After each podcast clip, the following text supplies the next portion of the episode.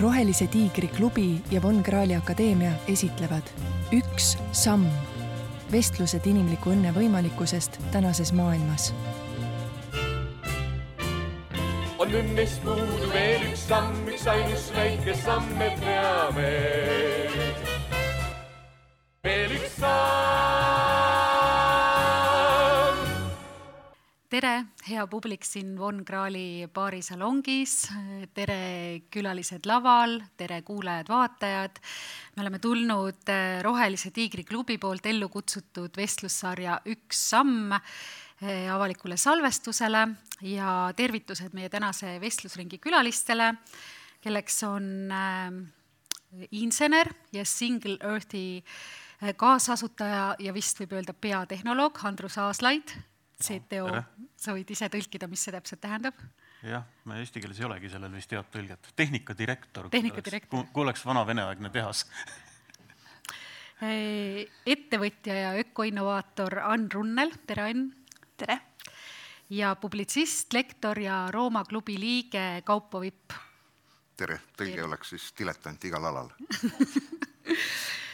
meenutan veel kuulajatele ka, mis on Rohetiiger, see on sõltumatu ja apoliitiline koostöövorm, mis koondab ligi kuuskümmend Eesti ettevõtet ja organisatsiooni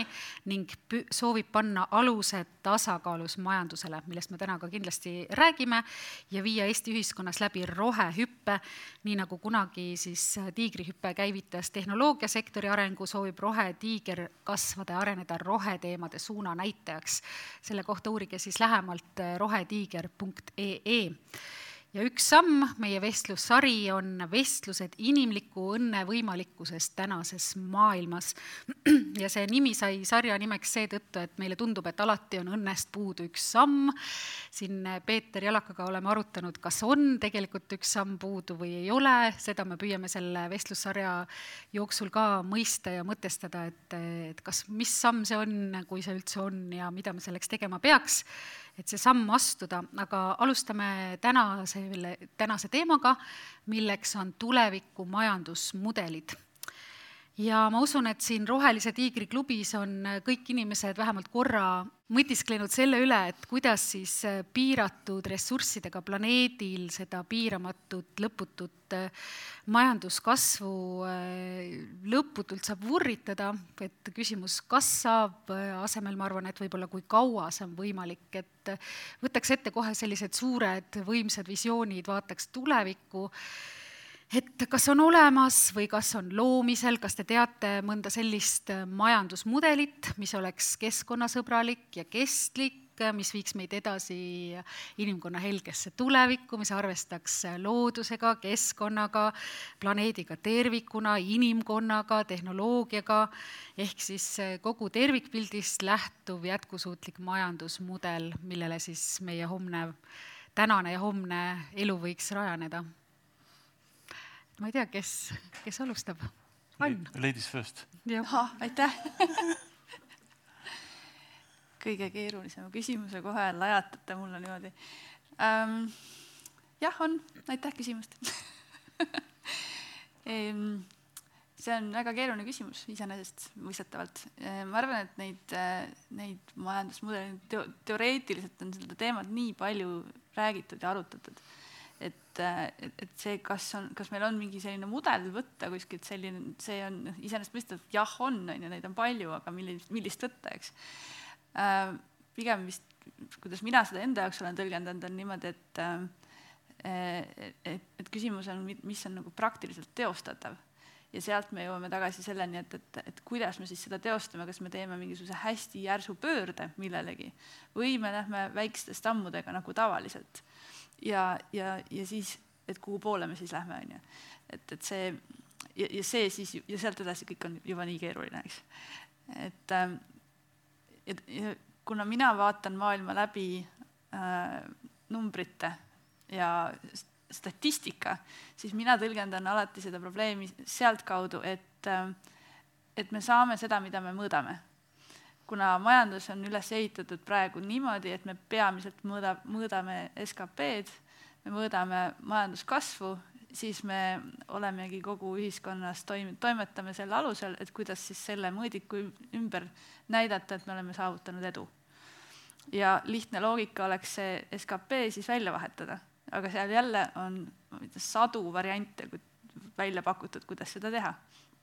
ja, ja minu jaoks ongi küsimus, kuidas siis teha seda ühte sammu, et me tegelikult ka saaksime SKP-st edasi liikuda. ja oma töös äh, Reverse Resourcesega me tegelikult selle nimel just tegutsemegi, et oleks võimalik mõõta ringmajandust kui uut mudelit lineaarse asemel ja et me saaksime seda mõõta niimoodi, et me saame öelda, et mi mitte nagu tihti sellest räägitakse, et tekib vähe, vähem jääke, vaid me mõõdame seda, et kui palju me ressurssi kasutame vähem äh, toimiva majanduse kontekstis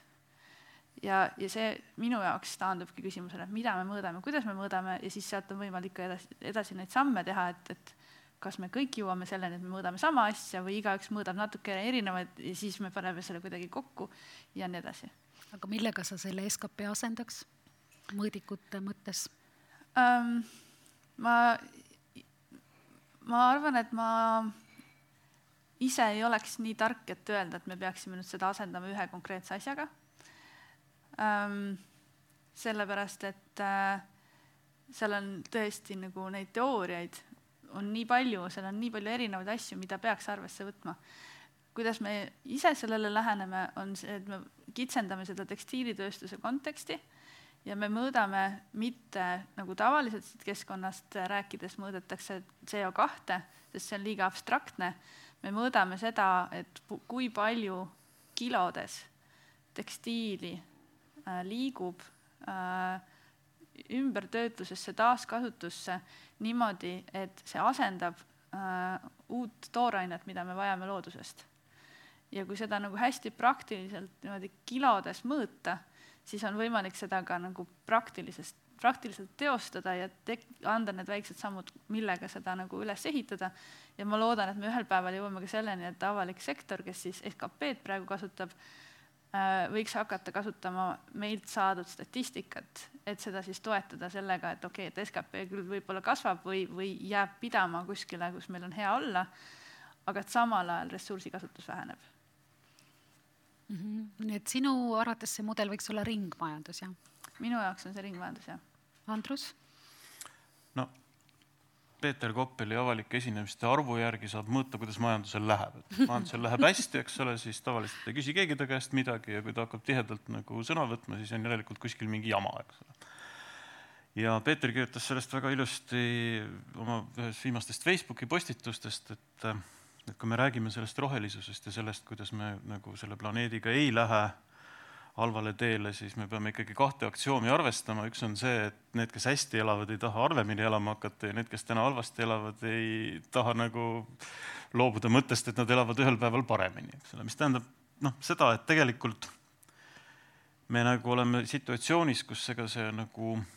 inimeste tahtmine, et neil oleks soe ja mõnus ja kõht täis ja saaks kasutada igasuguseid hüvesid, see ei kao kusagile. Nüüd meil tuleb sealt üsna mitu miljardit inimest peale, kellel neid hüvesid veel ei ole, mis tähendab, et see surve suureneb. Ja samal ajal nagu majandused, mis on seni suhteliselt hästi hakkama endaga saanud ja on kogu aeg ehitatud üles mõtte peale, et me peame järjest rohkem suutma majandada ja seda majanduse mahtu suurendada, seesama skp, eks ole, et siis me üritame seda olemasolevat, kes juba hästi elab, ka suruda veel rohkem tarbima, sest me tahame neile rohkem asju müüa. nüüd kuidas me selle planeedi peale nagu ära mahume peale seda, kui me oleme nüüd selle, ütleme siis arvatavasti sellise üheteist miljardi kanti nagu stabiliseerunud ja need üksteist miljardit tahaks kõik omada ühteteist miljardit autot, ühteteist miljardit kodu ja ühteteist miljardit televiisorit, eks ole, siis ja, ja umbes kaks korda nii palju mobiiltelefone, et siis tegelikult noh, seesama, mis Ann ütles, et noh, me Singularfiga nimetame seda nature capped economics, et me peame õppima mõõtma seda, mis me loodusest võtame, palju me peame sinna tagasi panema ja noh, tegelikult selline noh, nature is the new gold või selline, et, et, et, et loodus peakski olema tegelikult see nagu standard, millega me arveldame, kui palju meil saab majandust kokku olla, mitte see, kui palju meil inimesi on, vaid see, kui palju meil loodust kokku on või palju meil seda planeeti kokku on, et noh, õppimine seda mõõtma ja kasutama niiviisi, et et, et me saaksime seda kuidagi panna numbritesse konkreetselt kirja ja selle järgi juhinduda, noh, ega me muidu ei saa, eks, et noh, praegu täna me oleme sisuliselt situatsioonis, kus me oleme nagu kõik pannud ennast nagu ühte bussi kinni, eks ole, valmistanud juurde suure koguse lapsi, aga keegi ei mõõda, palju seal on õhku, palju seal on vett, palju seal on käimlaid, muudkui paljuneme seal bussis ja siis imestame, et kuidagi ilmus kitsaks on läinud ja lämbe on ka, eks ole, aga aga mõte, et äkki vaataks natukene, et palju meil seda ruumi kokku on antud, seda ei ole, sest ja, ja noh, sellel on ka omad põhjused, sest ajalooliselt me oleme elanud nagu kahes paradigmas, eks ole, esimene paradigma on see, et meil on noh, seda on võib-olla nagu imelik mõelda, aga sellel ajal, kui noh, osa meist sündisid siin, oli neli korda vähem inimesi planeedil, osade sünni ajal kolm, osade kaks, aga meil on ikkagi kõik siin laval olijad. Meie elu jooksul on suurenenud planeedil rahvaarv kordades mõõdetavalt. mis tähendab seda, et nagu ei saa olla niimoodi, et kõik on endiselt samasugune, eks ole, et, et ja see on juhtunud meie eluajal, see ei ole mingisugune, kui veel loomad rääkida oskasid, eks ole ja, ja, ja, ja selle tulemusena noh, kuna ilmselgelt, kui oli neli korda vähem inimesi seal kusagil viiekümnendate kandis, neljakümnendate kandis, eks ole,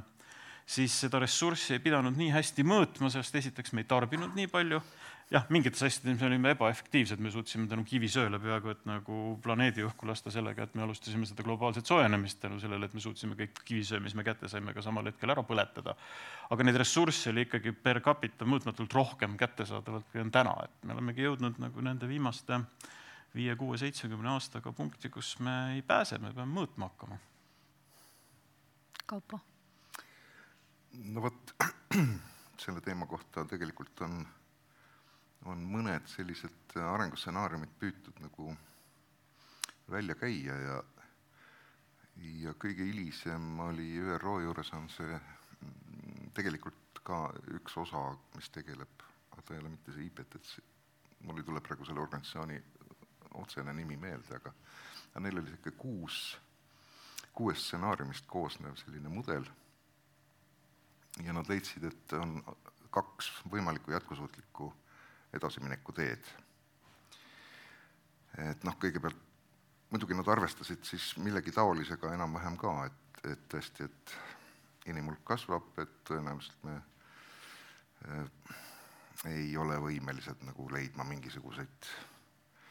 nullpunkti energiaid ja muid selliseid asju, millest, millest on ilusaid jutte küll, aga, aga noh, kuskil näha pole ja, ja millestki siis taolisest umbes nagu Limits to Grow uuringu juht äh, Tõnis Meadows äh, kirjeldas väga kenasti seda, et, et mis meil, et mis meie probleem, kõik meie probleemid, eks ole, ükskõik millised me võtame, nad koosnevad tegelikult kokkuvõttes neljast komponendist, rahvaarv planeedil, on siis inimeste äh, ütleme siis ka kapitalitarve per capita, siis on energiaga ümberkäimise viisid ja, ja fossiilenergia asendamise viisid, et need sisuliselt võib taandada nende peale ja me tegeleme nende tehnoloogiatega, et, et arendada ja asendada fossiilkütuseid, millele on tohutu tähelepanu pööratud, kuigi edu me seal ei ole saavutanud, me oleme suutnud katta ainult mingisuguse väikese osa, et tegelikult on ka fossiilkütuste kasutamine kasvanud samal ajal. ja me oleme pööranud tähelepanu kokkuhoiule, aga aga kaks asja, mis me oleme välistanud tähelepanust, on siis äh, demograafiaga seotud küsimused ja inimeste noh, palju siis, palju siis per capita me kapitali vajame, ehk teisisõnu, äh, mida me nimel, nimetame õnnelikkuseks, et kui palju meil siis on vaja neid loodusest võetud varasid selleks, et me tunneksime ennast õnnelikkusena, õnnelikena. ja tema põhiväide oligi see, et seni, kuni ei pöörata üldse mingit tähelepanu sellele küljele, ehk siis teisisõnu, kuni inimesed endiselt noh, nii nagu ma, nagu kõik elusolendid, nad püüavad, kehtib see äh, maksimaalse võimsuse printsiip, et me püüame endast läbi lasta mitte ainult elusolendid, vaid ka elutud olendid, kõik, kogu loodus tegutseb sellel moel, liikudes nii-öelda entroopia kasvu suunas. et äh, et kuna me praegu tegutseme sel moel ja me teadlikult ei ole võimelised kärpima oma, nähtavasti ei ole võimelised kärpima oma neid äh, soove ja tunge, et, et noh, meie väärtushinnangud on ikka endiselt sellised, me tahaks nagu võimalikult rohkem. et sel juhul ei ole mitte mingisugust kasu ka nendest pingutustest, mis me paneme sinna tehnoloogiasse, sellepärast et äh, me võime võimalikult rohkem küll kokku hoida ja võimalikult rohkem mingisuguste asendustehnoloogiatega toota, aga seni, kuni kehtib see maailmapilt, et me tahame võimalikult palju tarbida, seni me tarbime kõik ära ja ja jääb veel puudugi. et see on see Jemonsi paradoks või, või rebound efekt, mida laialdaselt tuntakse nüüd juba. ja, ja umbes samadest põhimõtetest lähtudes siis need stsenaariumi rida nägi siis välja niimoodi, et äh, seal oli äh, sellist kuus võimalikku arengu noh, niisugust loogilist arengurada toodud ja nendest siis jätkusuutlikeks oli loetud ainult kaks. Ja esimene neist siis oli, see dokument pärines kahe tuhande, kui ma ei eksi, kaks tuhat kaheksa vist oli see. et esimene neist oli siis globaalne tsivilisatsioon, ehk siis selline süsteem, kus siis on taandatud ära rahvusriigid selle mõttega, et suured korporatsioonid praegu suudavad rahvusriike, rahvusriikide käest võtta ressursid ära, suudavad neid korrumpeerida, suudavad väänata nende seadusandlust ja noh, nad lihtsalt on üle nendest rahvusriikidest praegu. et see peab olema siis selline ülemaailmne valitsus nii-öelda, kes siis juhib noh, nii nagu, nagu Platonil oli see, et see on niisugune mm, Äh, valgustatud äh, türann, eks ole, noh, kõlab meie jaoks halvasti, aga tol ajal oli see täiesti loogiline asi, millest võis aru saada. et sihuke nagu, nagu valgustatud türann juhib siis kogu planeeti, tuues siis eeskujuks Hiina käitumise, et ongi siuksed plussid ja miinused inimesel, kuidas ta käitub, et ühesõnaga selliselt juhtida siis seda tarbimist, kaasa arvatud siis ka rahvaarvu kasvu. Ja ja et see, et see oleks võib-olla mingisugune lahendus. Ja teine võib-olla lahendus oleks siis see, et on täielik lokaliseerumine kogukondade tasemele tagasi, aga mida see tähendaks, see tähendaks siis rahvaarvu langemist praeguselt äh, kaheksalt miljardilt siis kuskile pooleteistkümne, kahe miljardini. Ja vahepeal siis tuleks nagu käsi silme ees hoida, et et sellised, äh, selliseid lahendusi on, on nagu ÜRO tasemel välja pakutud. Ega, ega vist, ega rohkem ma ei teagi. et selles mõttes, et kui me räägime noh, ütleme Nepaalis näiteks on riiklik äh, selline heaolu hindamise süsteem ei põhine mitte äh, SKT-l, vaid põhinebki õnneindeksil. Bhutanis. Bhutanis jah mm, -hmm. ja, ja ÜRO-s on ju sellest sõna võetud, et see võiks olla eeskujuks ja, ja ega äh, härra Kuznets kahekümne neljandal aastal, kui ta selle SKT metoodika nii-öelda välja tõi majanduste võrdlemiseks, ta hoiatas sealsamas, hoiatas spetsiaalselt, ütles, et palun ärge kasutage seda ühiskonna heaolu hindamiseks, et see oleks vale lähenemine. Eh, ja lisaks sellele siis on seal ju veel, vot statistikast oli ennem juttu, eh, kes on statistikaga püüdnud ennast kursis hoida, see teab, et meil oli väga huvitav muutus Euroopa Statistikaameti metodoloogias kahe tuhande kümnendast aastast. Et kui me praegu läheksime tagasi, vaataksime kaks tuhat seitse, kaks tuhat kaheksa aasta, ühesõnaga siis selle ESA äh, vana metodoloogia järgi äh, majanduskasvu statistikat, siis me näeksime, et meil tegelikult kahe tuhande kaheksandast aastast euroala on tugevas taandarengus, miinus kakskümmend protsenti umbes, ja Eesti oleks pluss kolm viimase viieteist aasta jooksul. Ehk siis meie majanduskasv ongi juba kadunud, mis tähendabki seda, et kuna noh, Eestis on küll selles mõttes rahulik ja Euroopas ka, aga kuna maailmas inimesi tuleb juurde, iga kolme sekundiga umbes kaks inimest, iga, iga päev kuskil kakssada nelikümmend tuhat inimest on planeedil rohkem, see tähendab seda, et kõike seda, mida me nimetame heaoluks, peame kahesaja neljakümne tuhande inimesega iga päev rohkem jagama, kui majanduskasvu ei ole. ja see on ka selge, et igavene majanduskasv, piiramatu majanduskasv piiratud planeedil on ka võimatu, nii et eh, sellised kaks mudelit on välja pakutud, et mina vastutust ei tahaks võtta nende eest. Ann ja Andrus, kuidas kommenteerite neid Kaupo poolt välja käidud päris ütleme natuke jõulisemaid kui ringmajandus? no selles mõttes ega tegelikult ju noh, hakkame sellest pihta, et me umbes kaks aastat tagasi esimest korda me tulime välja selle jutuga, et tegelikult võiks proovida kasutada krüptoraha ja kõike seda, mis selle ümber on, selleks, et luua selline siis nature capped economy või siis noh, loodusega piiratud raha või käibevahendite või ma ei oskagi öelda, materiaalsete vahendite ja hüvede valmistamise hulk, eks ole, mis siis oleks ühelt poolt tasakaalus noh, asjaga, mille kohta meie ütleme digital twin, ehk siis, et me proovime luua kõikidest planeedi peal eksisteerivatest ökosüsteemi teenustest mudelid, vaadata, palju meil seda saasta siin on võimalik panna, palju meil sealt midagi kasulikku on võimalik nagu kätte saada. Ja, ja noh, me oleme ju viimased kaks aastat, tegelikult kaks pool aastat ainult sellega tegelenud, ehk siis põhimõtteliselt, mis Single Earthi see üks siis nagu ehituskivi selles lahenduses on, mida, mida sa just kirjeldasid, et, et ei peaks sinna pooleteist miljardi kanti hakkama vaatama ja mõtlema, mis selle ülejäänud, järele jäänud miljarditega teha, siis ähm, siis see ehituskivi on see, et me oleme siis loonud ökosüsteemi teenustest mudeleid ja proovinud neid kaubeldavaks muuta, sellepärast et me oleme sellest ajast, kui meil neid inimesi veel vähem oli ja sellest ajast, kui see probleem ei olnud akuutne, on meil jäänud kuidagi selline tunne, et maa sellel ajal, kui me teda ei kasuta toorainena, ei ole üldse midagi väärt ja ja näiteks kui sa oled täna metsaomanik, et siis metsaomanikuna sul ei ole tegelikult praktiliselt mitte mingit muud võimalust nagu oma maa pealt midagi teenida, kui oodata, kuni see puu suureks kasvab ja ära müüa kellelegi tooraineks samal ajal kui noh, tegelikult ju aktiivselt ja siis kõik virisevad su kallal, et miks sa seda tegid. samal ajal kellelegi ei tule nagu pähe, et sellel samal ajal, kui see puu seal metsas püsti on, on see mets kellegi elukohaks, ta panustab mingitesse veesüsteemidesse, ta panustab mingisugusesse süsiniku sidumisse, et ta on kellegi kodu, eks, et ta nagu annab meile tegelikult tohutu koguse neid samu teenuseid, millest meil järjest rohkem puudu jääb, ainult et meil ei ole kunagi tulnud pähe, et äkki peaks maksma kellelegi nende teenuste eest. Ja me nüüd siis loome põhimõtteliselt sellist hetkel siis noh, paralleelmajandussüsteemi,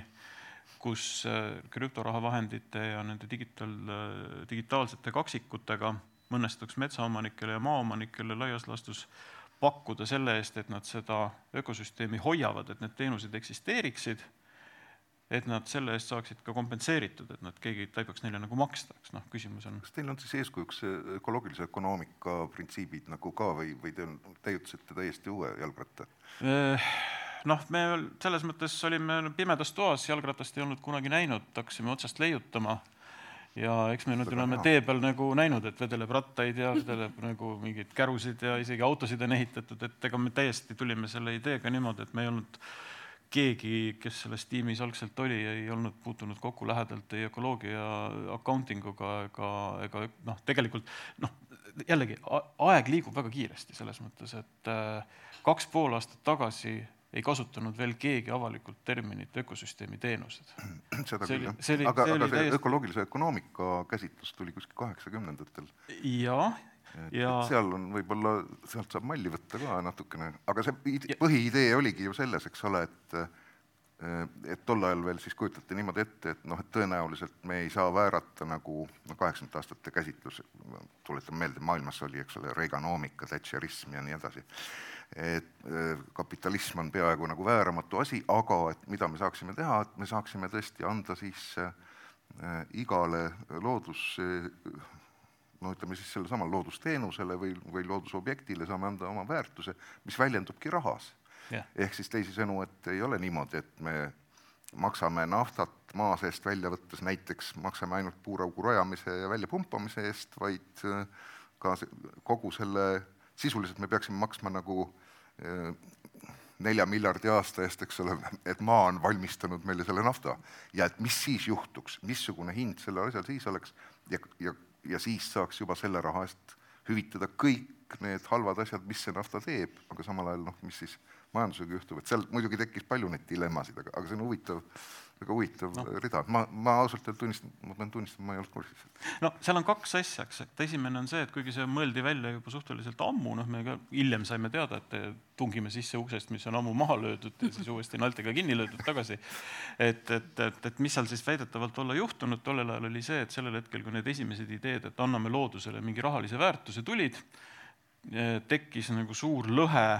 selle siis nii-öelda majandusliku looduskaitse ja administratiivse looduskaitse vahel, milles kohta administratiivne looduskaitse ütles, et teate, et noh, kui me anname loodusele hinna, siis hakkavad raiped kohe kauplema sellega ja müüvad selle viimasegi maha, et loodus peab olema oma definitsiooni poolest nagu hindamatu, eks ole, ja selle tõttu me ei tohigi talle seda rahalist väärtust anda. ja paraku kuidagi juhtus siis nii, et see administratiivne looduskaitse võitis, seda hinda ei ole, aga me ikkagi lõikame seda kõike maha, eks ole ja, ja noh, võib-olla vist teine asi, mis kaheksakümnendatel oli, oli see, et äh, ja noh, ka üheksakümnendatel ja tegelikult ka kahe tuhandendatel oli see, et arvutusvõimsus ja see võimekus tehniliselt seda kõike teha on ikkagi tekkinud praktiliselt viimase paari aasta jooksul, et kui noh, me alustasime, siis oli see seis selline, et noh, just olid tekkinud tegelikult sellisele keskmisele startup ettevõttele kättesaadavad infotehnoloogilised vahendid, et sa oled võimeline tegelikult terabaite andmeid töötlema niimoodi, et sa pankrotti esimesel päeval ei lähe, eks et, et, et need teenused noh, on tekkinud tegelikult käigu pealt ja muidugi noh, seesama krüptoraha infrastruktuur, mille kohta nagu siin, eks ole, palju on kasutatud igasugu nagu spekuleerimiseks, seda on tegelikult äh, andnud meile kätte need võtmed, millega seda sooritada, sellepärast et lõpuks oleme me saavutanud sellise olukorra, kus meil on üks ülemaailmselt töötav äh, distributeeritud arhitektuur, mis ühendab endas nii kauplemist kui äh, sellist õiguskindlust, kui, kui veel paljusid nagu selliseid aspekte, mis sellist asja võimaldavad teha, et noh, mina olin kogu aeg väga blockchain'i skeptiline, kuni me selle firma tegime ja ma sain aru, et see on üks peaaegu et ainus use case sellele asjale üldse, milleks teda oleks nagu kasulik kasutada aga ma korra, enne kui annan sinu juurde sõna, Andrus, kui sa juba hakkasid äh, Single Earthist rääkima, seletasid selle nii-öelda olemuse lahti, äh, võib-olla laienda natuke seda, et äh, mida see siis tavainimesele tähendab, tavalisele inimesele, kellel on siis võib-olla oma metsatukk või maakodu või noh, midagigi loodus, loodust, mida ta omab, et kuidas ta selle pealt siis sa saadki panna oma metsa meie juurde kirja me oleme tänaseks jõudnud punkti, kus see kõlab võib-olla isegi endale uskumatuna, aga meil on olemas maakera suurune mudel, kus me suudame öelda täpselt, kui palju igas maakera punktis ükski mets süsinikku seob. et meie, meil on nagu kaks sellist huvitavat, kaks sellist huvitavat viimase pooleteist aasta teadustöö, meil on tegelikult kakskümmend teadlast on palgal endal, et üle maailma, et, et meil on päris suur instituudi võimekus peaaegu juba vaikselt tekkinud selles valdkonnas et me teame suhteliselt täpselt, kui palju on maakeral metsa, me teame suhteliselt täpselt, kui palju ta seda seob, ehk siis kui sa tuled oma metsaga, noh, suurmetsaomanikega on see protsess keerulisem, väikemetsaomanikud saavad ise ennast kirja panna ja põhimõtteliselt peale seda, kui need kohustuslikud protseduurid, mida seadused ja tunne oma klienti, tunne oma maad, tunne oma vaenlast protseduurid kõik eeldavad, siis sa põhimõtteliselt oled võimeline saama neid token eid, mida siis sedasi nagu tavalist krüptoraha saab kaubelda ja teises otsas on siis tegelikult needsamad, noh, täna ta on vist siis Generation Z vist need, kes on sündinud enne kahte tuhandendat või kahe tuhandendate alguses keda me oleme siis nüüd nagu ähvardanud mingisugune viimased viisteist aastat, et hirmus halvasti on kõik, et iga asi, mida sa tarbid, eks ole, iga asi on nagu kellegi arvelt ja no üldiselt ega te vist ikkagi nagu kuiva maad oma elus lõpuni ei saa kasutada, et ikka nagu ära upute ka siia ja ja kui te ära ei upu, siis põletab teid päike, mis tuleb läbi selle planeedi ja kõrvetab teid ära, eks, et me oleme neid nagu hirmutanud, mille ainus tulemus on see, et nendel ei ole muud väljundit nagu oma selliseks roheliseks panuseks, kui nad ostavad kõik oma riided Sekkarist ja, ja, ja noh tarbivad sisuliselt üldse mitte midagi, aga noh, samal ajal jälle majandus ikkagi sooviks, et nad veidi ka tarbiksid, ehk siis me oleme nad ära hirmutanud, küll aga ei ole andnud kätte ühtegi mõistlikku vahendit, millega nad saaksid tagasi panustada sellesse oma tarbimisse, ehk siis mõnes mõttes me valmistame tegelikult siis nagu silda nende tuleviku tarbijate või noh, miks ka mitte oleviku tarbijate ja nende loodusressursside omanike, kelle käes need ökosüsteemi teenused on, silda nende vahele, et see raha sellest toiduahela päris tipust jõuaks alla tagasi nende varade omanikeni, sest täna ta kipub nagu tänu sellele, et me oleme majandusmudeli kapitalistlikult ehitanud, kipub ta kangesti sinna ülesse jääma ja need vaesed äh, lapsed kraabivad endiselt seda koobaltit kuskilt maa seest välja ega saa selle eest suurt nagu midagi, eks. Ain, tahtsid lisada midagi? ma sellel konkreetsel teemal ei oska hetkel midagi lisada, see on lihtsalt väga äge, mis te teete äh,. no te teete peaaegu sama ägedat asja lihtsalt nagu nendest, nendest ressurssidest, mis on maa seest juba välja kaevatud. ja, ja see paralleel on jah see, et, et, et kui teie vaatate seda, mis on nagu loodusvara, mida me hoidma peame, siis me üritame äh, arenguriikides äh, inimestele seletada, mis on see õige asi, mis nad sealt saaksid teha olukorras, kus nad ei näe ühtegi teist nagu põhjust käituda õigesti, me üritame siis leida neid põhjuseid neile samamoodi. aga võib-olla tooksin paralleeli selle, sellega, mis sa ennem ütlesid, et kaks varianti, et, et, et kas, kas mm, ülemaailmne üks juhtimine või, või lokaalsed äh, riigid ja väga vähe rahvast, siis äh, mulle tundub, et see IT-tehnoloogia, see tegelikult tekitabki nagu, nagu sellist ülemaailmset nagu juhtimisvõimekust. Äh,, lihtsalt me ei, me võib-olla ei pea seda kutsuma nagu äh, valitsuseks, vaid et, et tegelikult on, on selliste lahendustega lõpuks võimalik seda süsteemi juhtida nagu ühte tervikut, on ju, ja see, see on see, kuhu me jõudma peame tegelikult. Ähm, kas, kas me seda suudame lõpuks, on teine no, oma olemuselt on ta jah, kindlasti niisugune globaalsuse poole viiv, globalismi poole viiv asi, aga, aga noh, muudes osades me näeme, et kahjuks, et, et niipea, kui hakkavad tekkima sellised tagasilöögid, hakkab see globalism, noh kahjuks või õnneks, ma ei tea, inimesi on väga erinevaid ja minu seisukoht ei ole siin tähtis ilmselt, aga lihtsalt et see globaliseerumisliikumine on väga tõsise tagasilöögi juba saanud ja ta minu meelest praegu taarubki tagurpidi, nii et, et see,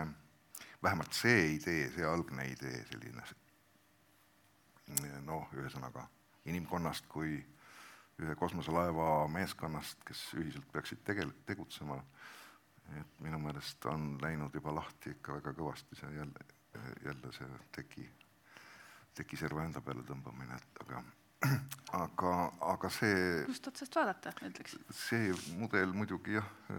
oleks üks võimalus võib-olla kuidagi mööda minna sellest, aga ma jah, raske, raske on muidugi seda mahtu ette kujutada, et kui te kujutate ette, et te peaksite suutma noh, ütleme siis objektiivselt hinnata noh, iga sipelgat ka põhimõtteliselt, et noh, siis tuleb nagu meelde see, kes see oli, et vaatab sip-, Aquino Toomas vist oli, ütles, et ta vaatab sipelga silma ja ta näeb Jumalat, et jaa nojah, vaata, aga siis see ongi see, et, et kui sa, äh, mis, mis ma nagu oma töös hästi tihti näen, on see, et, et kui, kui, kui sa hakkad rääkima sellest, kuidas nagu tulevikus võiks asjad olla või kuidas see nagu suur visioon võiks, võiks olla või mis see nagu siis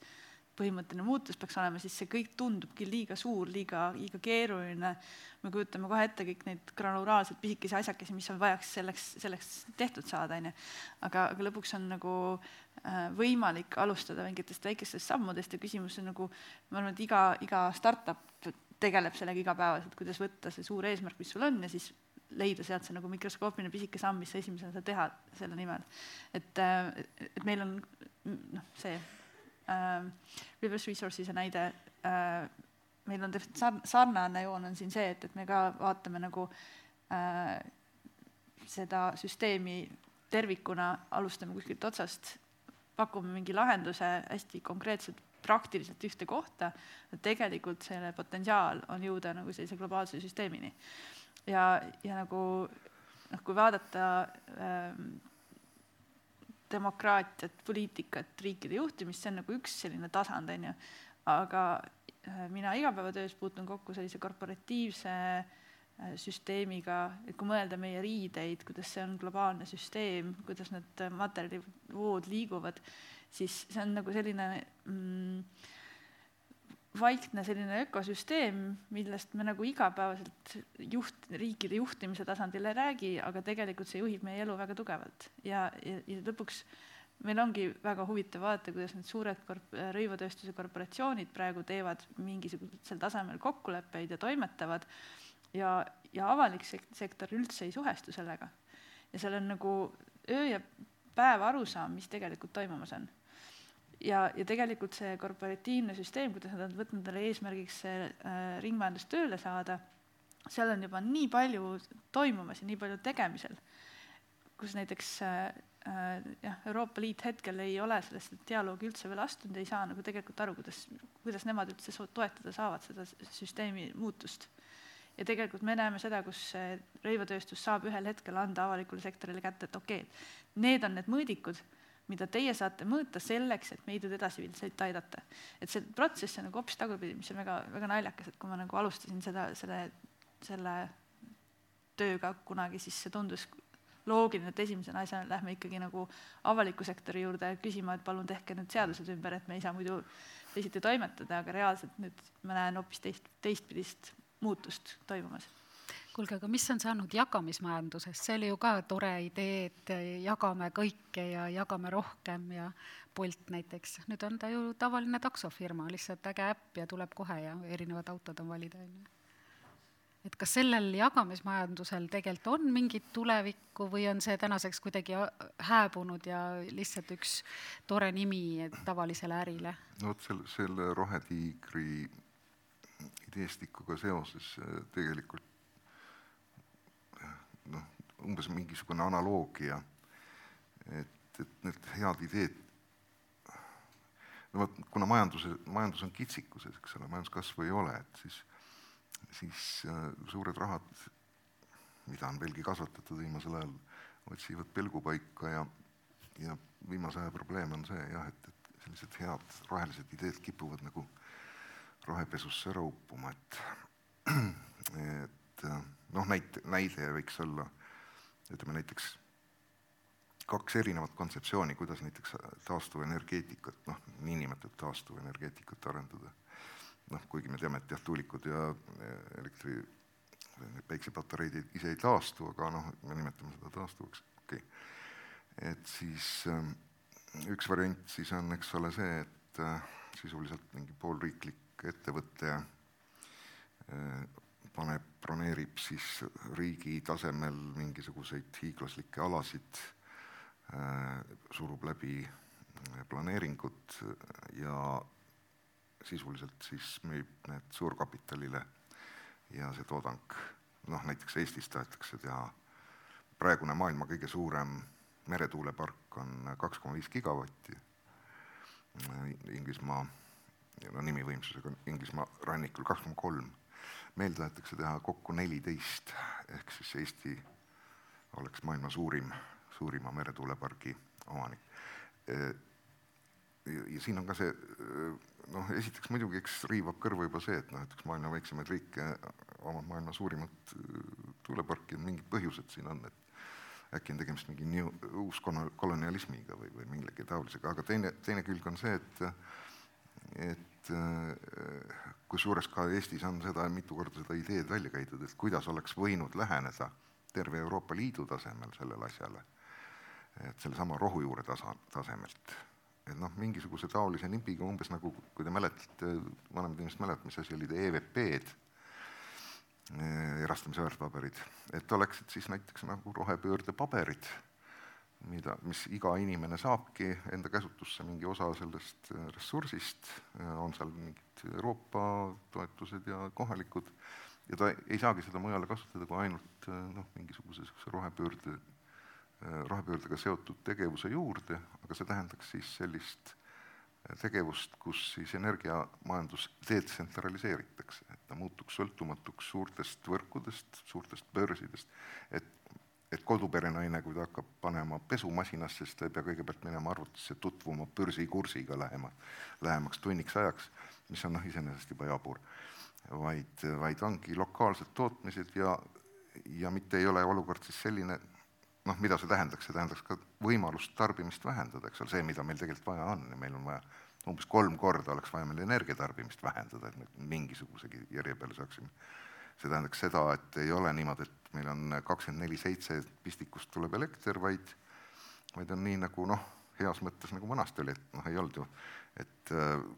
mees võttis oma viljakoti ja läks veskisse, ajas jala tarka, ütles davai, nüüd jahvata ära, et ei, ta pidi ikka siis minema, kui tuult oli, et polnud ju mõtet seal kes seda muidu siis seda veskit segi-, ringi ajas. et siis see tähendaks seda, et näiteks tehas töötab siis, kui tuult on noh, ja mingisuguseid muid selliseid eks me sellises majandusmudelis oleme olnud ka minevikus. nojah, jah, jah. Aga, aga põhimõtteliselt oleks sellise, sellise alt üles mudeliga võimalik eh, minu meelest palju edukamalt liikuda, kusjuures kõik inimesed, kõigil inimestel tekiks huvi teha endale selgeks, mis, mis see siis tegelikult eh, on, kuhu ta, kuhu ta oma selle väärtpaberi saab paigutada ja loomulikult saab sealt siis ka mingit tulu vastavalt siis, kui, kui see tulu on või, või maksab sellest vähem. aga meil on kippunud asi, kipub paljudes asjades minema ikkagi selle rohepesu suunas, kus siis niisugused suurkorporatsioonid leiavad, et et sinna on hea, noh, raha paigutamise probleem ongi, no kus need startup'idki äkki ilmusid, eks ole, suurem osa neid äh, tekkisidki ju sellest, et see on nagu siis piibli, piiblist pärit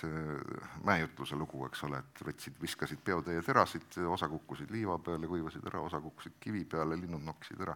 aga mõned kukkusid ja heasse pinnasesse ja andsid saaki. et, et noh, niimoodi, aga see on häda korral tegutsemine, siis kui ei ole tõesti näha, et kuhu kasumlikult investeerida. Muide, selline väärtpaber on olemas olnud ka riigis, mis täna ei ole väga populaarne, aga kus vähemalt meie sinuga oleme elanud, selle asja nimi oli obligatsioon. Ja, ja, ja. mis tööt-, mis aitas ka majanduse sellist liigset liig... aga, aga selle, selle, sellega oli see, et seda sunniti vägisi ostma, eks ole, ja mingit kasu sellest ei olnud, et aga kuulge, linnukese kuidas siis äh, jõuda sinna, kuhu ka rohetiiger unistab hüpata, mis on äh, tasakaalus majandus, mis tõenäoliselt peab olema ka mingil moel siis, ma ei tea, kas kahanev majandus?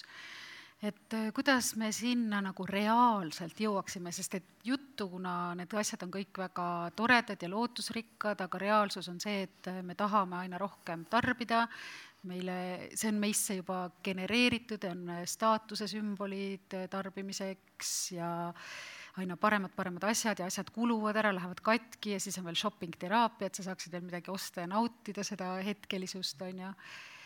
ja, ja ressursi teema ja energia teema, et kuidas nagu, kui me võtame tänase reaalse olukorra ja püüame vaadata siis nagu päriselt mingisse helgesse tulevikku, noh, loodame, unistame, visioneerime, äkki on meis see miski olemas, et me suudaksime selle sammu teha, et kuidas see nagu reaalselt toimiks, kuidas me jõuame siis tasakaalus majandusse et no ma saan aru, et kõik need erinevad komponendid tuleb kuidagi tööle panna, aga kuidas? võtame tänase reaalse olukorra, vaatame korraks siia lakke. on noh, mis seal on, mingi kaks sellist korralikku viiesajavatist prožektorit ja siis kaks niisugust LED-i ja siis on seal taga veel hunnik lampe ja mis juhtuks, kui me pooled neist ära kustutaksime, kas sinu podcast läheks sellest halvemaks no?? Vaevalt, sest külalistelt tuleb nii hea sisu, et loeb sisu. mis tähendab, et me nagu noh, umbes kilovatti jagu energiat laseme praegu lihtsalt selleks, et oleks nagu selline, nagu me oleme harjunud. laseme lihtsalt nagu soojuseks ja natuke tuleb valguseks ka, eks noh. et noh, see hakkab tegelikult sealt pihta, seni kuni on Aasiasse kõige odavam tee lennata Tallinnast kõigepealt Londonisse ja siis sealt võtta nagu järgmine lend Aasiasse, seni nagu ei muutu midagi, et ma arvan, et kui me suudaksime oma selle IT kõigepealt rakendada selle teenistusse, et neid olemasolevaid ressursse pisut paremini kasutada. mis on noh, mõnes mõttes nagu kapitalistliku maailma käsitlusega nagu vastuolus, sellepärast et kõige tegelikult jällegi lennufirmale on erakordselt kasulik, kui sa lendad kõigepealt Londonisse, aga aga noh, see on nagu omaette omaette nagu traagika, aga, aga ütleme, kui me lõpetaksime selle mõttetu nagu lagastamise ära ja ei ostaks igal aastal uut mobiiltelefoni ja, ja, ja kahte uut laptopi ja ei hoiaks kogu aeg kõiki tulesid põlemas, eks ole. no sealt see probleem algabki, et siis, siis sul on vaja kas siis äh, seda, et oleks, oleks peal nii-öelda noh, täiesti globaalselt kontrolliv surve, umbes midagi niisugust Hiina stiilis, või teine asi, et, et sa oledki sellises süsteemis, pisikeses omaette kogukonnas, et sul ei olegi võimalust selleks aga, aga muudes, muudel juhtudel tundub niimoodi, et see äh, elutust loodusest läbi kogu elusa looduse, läbi taimede, loomade, inimese, inimeseni ulatuv see maksimaalse võimsuse printsiip nagu saab meist alati võita. jah, sest meil puudub tagasisidemehhanism. meil on nagu me, me ei saa, noh, üks mingi ulmekas oli, kes mäletab, vahet ei ole, aga seal oli mingi niisugune asi, et äh, igaüks, kes mõtles midagi maa seest tuli sihuke kärbsepiit selle heidel vastu muljuga. et noh, et Hitchhiker Guide jah, jah, et ja. ei tohtinud, ei tohtinud ühtegi mõtet mõelda et see oli väga hea, et kujutage ette nüüd, et iga kord, kui te teete rumala tarbimisotsuse, tuleb kuskilt kärbsepiit no see on, see ongi see Hiina jälgimissüsteem. no see on see Hiina jälgimissüsteem. tegelikult võib-olla, see tegelikult, ega inimesed ei ole tegelikult oma, oma olemuselt nagu nagu halvad, halvad.. muidugi, loomulikult. Nad tegelikult ei tee seda nagu meelega või noh. vaid nagu, hea meelega. me ei hoia nagu neid prožektoreid siin laes praegu põlemas sellepärast, et saaks kärna keerata planeedile, et kellelgi oleks halvem, eks ole, et me hoiame neid siin sellepärast, et mitte kusagilt ei paista hetkel nagu see, et, et see käib millegi arvelt. noh, Peeter maksab elektrit siin niikuinii, eks ole, kilovati Peetri eest või taga, eks ole. et äh, noh, meie teeme oma podcast'i, mina ei jää sellest, et mulle paistab nagu üks prožektor rohkem näkku või vähem, eks ole, ei jää sellest ei rikkamaks ega vaesemaks, eks ole, et noh, tegelikult nagu rangelt võttes, rangelt võttes noh, ei ole nagu sellist tulikirja hetkel seinal, mis ütleb, et me tarbime rohkem, kui me võiksime või noh, kui on nagu noh, normaalne või noh, ühesõnaga, et me tarbime oluliselt üle selle, mis on vajalik, on ju. Kui see oleks kas või mingisuguse päädiga siin seina peal, kus Peeter on kehtestanud nagu keskmiselt siin saalis nagu soovitava nagu energiatarbimise hulga, eks ole, mingi graafik jookseb, tiksub ja nüüd on näha, et see on nagu punases ja vilgub ja iga minuti tagant teeb veel näed, nagu koledat sureb, kaks tuhat puud langeb. või, või seal jookseks jah video, kuidas parasjagu keegi loobib kühvliga, eks ole, mingit kivisütt kuskilt nagu ahju, eks ole, et noh, et, et noh, kui meil nagu oleks see tagasiside, siis me võib-olla tunneksime ennast ebamugavalt ja mõtleksime selle nagu ringi, eks ole, et, et, et, et ega noh, tegelikult täna, et kui me räägime sellest looduse kaitsmisest ja kui me räägime sellest, et midagi peab majanduses muutuma, siis üks selline suhteliselt ühine narratiiv on igal pool see, et seni, kuni tarbijad ei muuda midagi, ei juhtu miskit. et ja see tuleb nagu natukene sellest no., et kuna me oleme ehitanud hästi palju majandust üles, eks ole, aktsiabörsi põhimõttel ja seal on alati nagu maksimeeritud kasumi printsiip siis meil ei olegi võimalust tegelikult sellel ettevõtte juhil ka mingisugust liigutust teha ja öelda, et kuulge, et me siin mõtlesime, me oleme ilgelt rohelised, et lakkuge panni, meie teile dividende ei maksa järgmised kümme aastat, me oleme hoopis selle asemel rohelised, onju. homme leiab ta täna. jah, siin selle vastu muidugi on, võib vaielda ka, et, et siin minu kord. ja, ja aga selle vastu ma tahtsin öelda, et selle vastu võib vaielda ka, et, et teisest küljest ju, eks ole, mida sa telekast kogu aeg näed, sa näedki teateid, kuidas äh, ühesõnaga, et sa ei ole nagu üldse normaalne inimene, kui sul ei ole ostetud seda, ma ei tea, mingit äh, jäälõhkumissirmi kujumismütsi või midagi taolist. pigem on nagu vastupidine surve kogu et aeg. see surve tarbijale käibki kogu aeg niimoodi, et noh, et talle olekski raske, temalt olekski raske nõuda, et ta orienteeruks, et Mhm. püütaksegi nagu lolliks teha, et pähe määrida talle ehk võimalikult rohkem toota, et see, et see lükkamine tarbija kaela ainult on minu meelest äh, noh, see ei ole, see ei ole õige, et see, seal on ikka suur osa on ikka see, et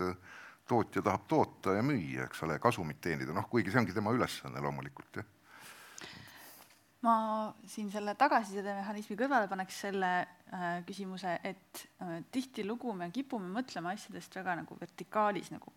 et lihtsustada, võtame ühe asja, hakkame sealt pihta. tegelikult äh, üks asi, mis on hästi tugeva võim, võimuga, on, vaata süsteemi tervikuna, see on keeruline, palju keerulisem, kui vaadata konkreetseid komponente, aga selline süsteemne mõtlemine on asi, mis, mis me ei ole harjunud tegema. Ja, ja kui, kui võtta mingisugune süsteem tervikuna ette, siis on alati võimalik leida seal neid kohti, kus on see on nagu akupunktuur, et sa paned, teed mingi muutuse ühes kohas ja terve süsteem reageerib. et see oli see põhimõte, kuidas me oma ettevõtet ehitama hakkasime, et, et, et, et otsime üles selle koha, kuidas tekstiilitööstust panna tervikuna muutuma. Ja mul on olnud õudselt põnev vaadata, kuidas äh, üks, ma ei, igaks juhuks nimesid ei nimeta, sest et ma ei tea, kui palju ma tohin neist rääkida, aga meil on võimalik on näha, kuidas üks maailma kõige suurem rõivatööstusettevõte teeb väga selge muutuse, kursi muutuse ja, ja kuidas see, see süsteem hakkab seal nagu vaikselt muutuma selle pealt, et sul on ikkagi nagu mingisugune mudel läbi testitud, sa saad aru, et mis paneb asjad liikuma, ongi see, et, et sa saad, kui, kui leitakse üles see koht, kus sa saad seda uut ja paremat saavutada, kas äh, sama hinna ja, ja äh, pingutusega kui, kui varasem süsteem või siis veel paremini seda teha. Ja, ja sealt on võimalik neid muutusi tekitada niimoodi, et me ei pea lõpuks näpuga taga ajama, et, et vot sina nüüd pead selle piitsaga vastu nägu, nägu saama. vaid et see on, see on loomulik, et ma, ma ei panegi seda lampi põlema, sellepärast et mul on see parem lahendus iseenesestmõistetavalt. ja, ja me, ja lõpuks me ei pea neid süüdlasi taga ajama. ja see, ja, ja ma lihtsalt oma, läbi oma töö, oma, oma kogemuse, ma muidugi olen, olles ka totaalne optimist, ma, ma lihtsalt usun sellesse, et, et neid rakukesi, neid ideid on nii palju praegu juba toimimas ja neile on antud praeguseks palju parem võimalus kui võib-olla mm, ma ei tea, viis või kümme aastat tagasi äh, kust, kui mina alustasin, siis mul oli täiesti nagu noh, sõna ringmajandus ka polnud olemas, on ju. et, et, et sel, see, see, see muutus on juba toimunud. see, see, kuidas süsteemsed muutused toimuvad äh, läbi aegade, on, on alati selliste nagu hüpetena, et oleme, oleme kuskil mingi, tundub, et me oleme platool ja siis järsku oleme me teisel platool, et see, see üleminek on juba võimsalt käimas, aga see on praegu kuskil niimoodi tuha all koblutab ja see, me lihtsalt ei näe seda ja siis tundubki, et, et nagu noh, et, et mida siis nüüd teha, on ju, aga ühel hetkel me oleme uues süsteemis, ohoo, näe, juhtuski. ei no selge see, põhimõtteliselt metodoloogiliselt näeb asi välja nii, et ühtegi olukorda situatsiooni ei ole võimalik muuta, meie ei suuda muuta ühtegi olukorda või situatsiooni, me, mida me saame muuta, on eeldused, milleks protsessi arengu, iseenesliku arengu käigus asjad muutuvad. et me saame muuta neid eeldusi, mis mõjutavad protsessi, mitte me ei saa olukorda muuta see oleks nagu võlukunst oleks, et kui ma muudan, muudan, ma ei tea, kullese konnaks. et tegelikus elus ta peab ikka, ma pean tekitama olukorra, kus see kulles saab seal vee sees kuskil olla, et ta konnaks saab. aga ma ei ole kindel, et meil praegu nagu teadlikult äh, ikkagi see suunamine käib, minule tundub, et, äh, et ka selle noh, nii-öelda Euroopa rohepöörde taga, noh, nii palju, kui ma olen rääkinud siin nende ÜRO juures olnud inimestega ja, ja nende Euroopa Liidu inimestega, et mulje jääb, et, et noh, ma ei taha kedagi solvata ja ma ei taha öelda, et see on halb või hea,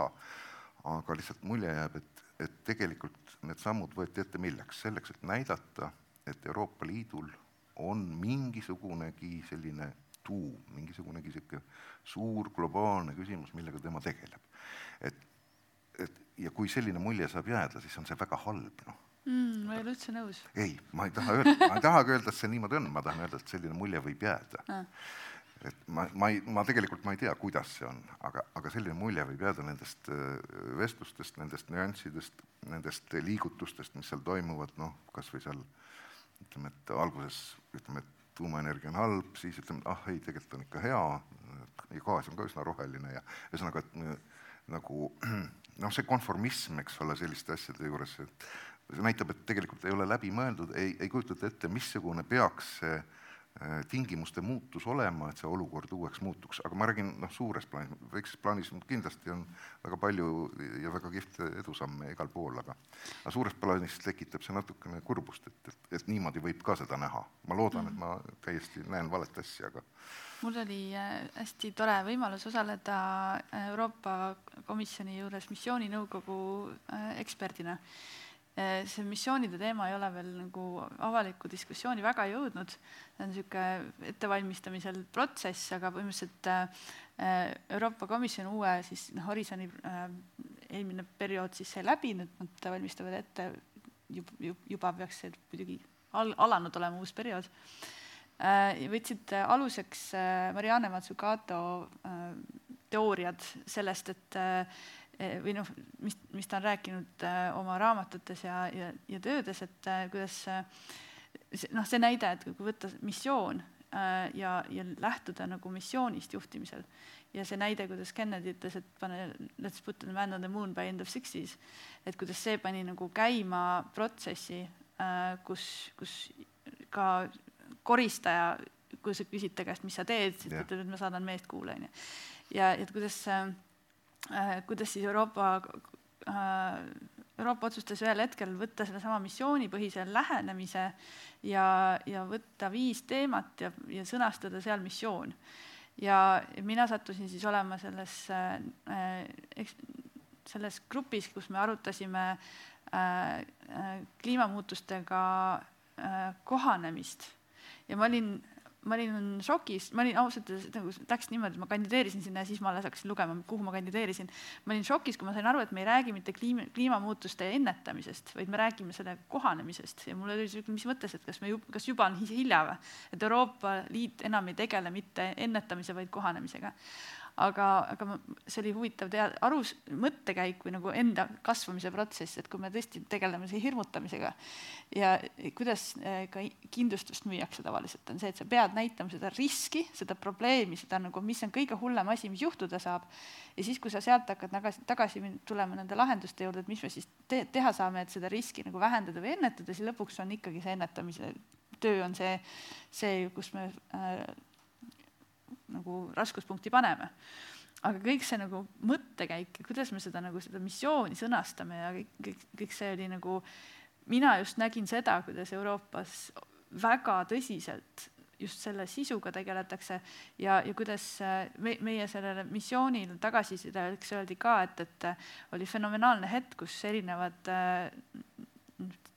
DG, Director Generate, issand, ma ei saa öelda, kuidas see on,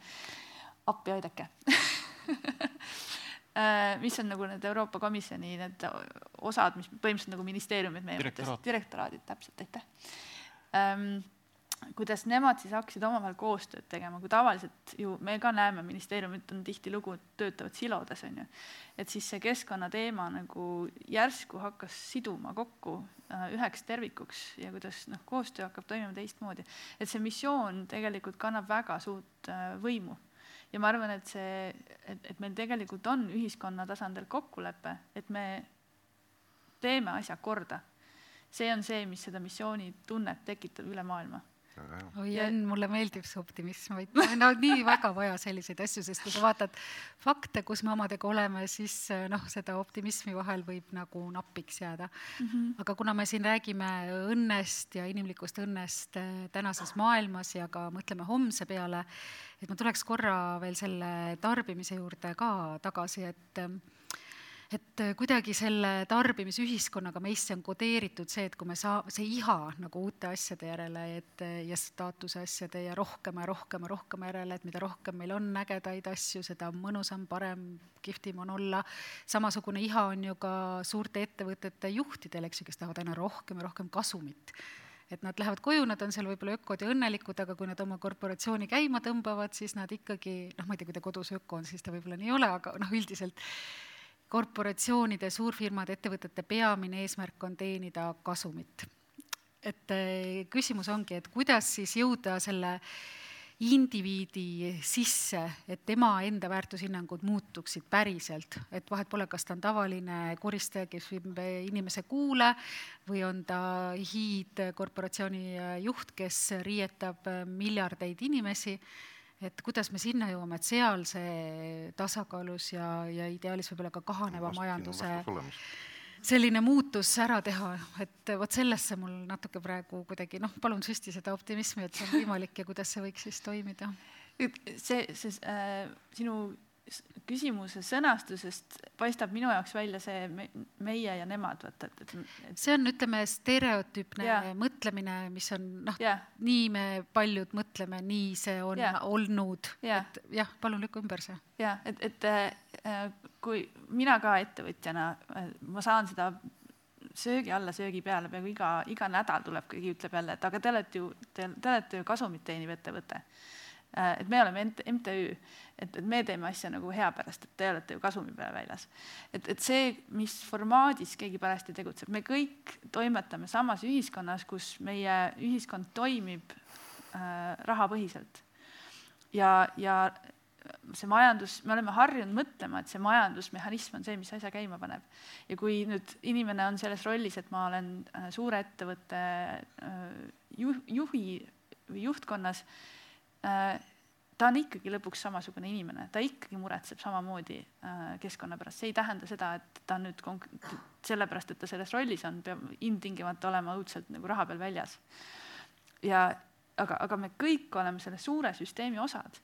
ja meil kõigil on ühtemoodi seesama küsimus, et aga kui see kõik on nii keeruline muuta, siis kuidas me seda süsteemi muudame? ja, ja lõpuks ongi, et, et, et, et see,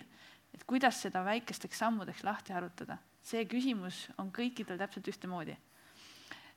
ja, ja kus me oleme, kuidas me oleme harjunud selles lineaarses ühiskonnas toimima, on see, et me vaatame, äh, vaatamegi seda, neid, neid piire, kus ma olen. ma vaatan näiteks tarbijana, ma nüüd, mul vajan midagi, ma lähen poodi, ma ostan selle, siis ma pakend viskan ära. ja ma ja vaatangi seda, kuidas minu, mina enda ümber toimetan. me ei ole harjunud mõtlema selle peale, et kui ma selle toote poest võtan, mis need sammud olid ennem ja kui ma selle pakendi nüüd ära viskan, mis need sammud seal äh, selle pakendiga pärast on ja, ja mis me peame nagu muutuse tegema, on see, et me hakkame mõtlema selles süsteemis, me hakkame mõtlema selles, selles, äh, sellel tasemel, et me, me, me teadvustame seda materjalide ringlust, aineringlust loodusega ja, ja kõike seda, kuidas me suhestume sellega. ja nii, kui me se selle peale korraks mõtlema hakkame, siis hakkavad sealt kohe tulema lahendused, okei okay,, nüüd ma võib-olla võtan selle toote asemel selle teise, sellepärast et sellel ei ole võib-olla seda pakendit, mida ära visata. ja, ja samamoodi toimub sama protsess äh, suurte korporatsioonide juhtkonna tasandil. Neil on vaja neid tööriistu, et mis lahendused mul on, et ma saan täna teha selle valiku paremini.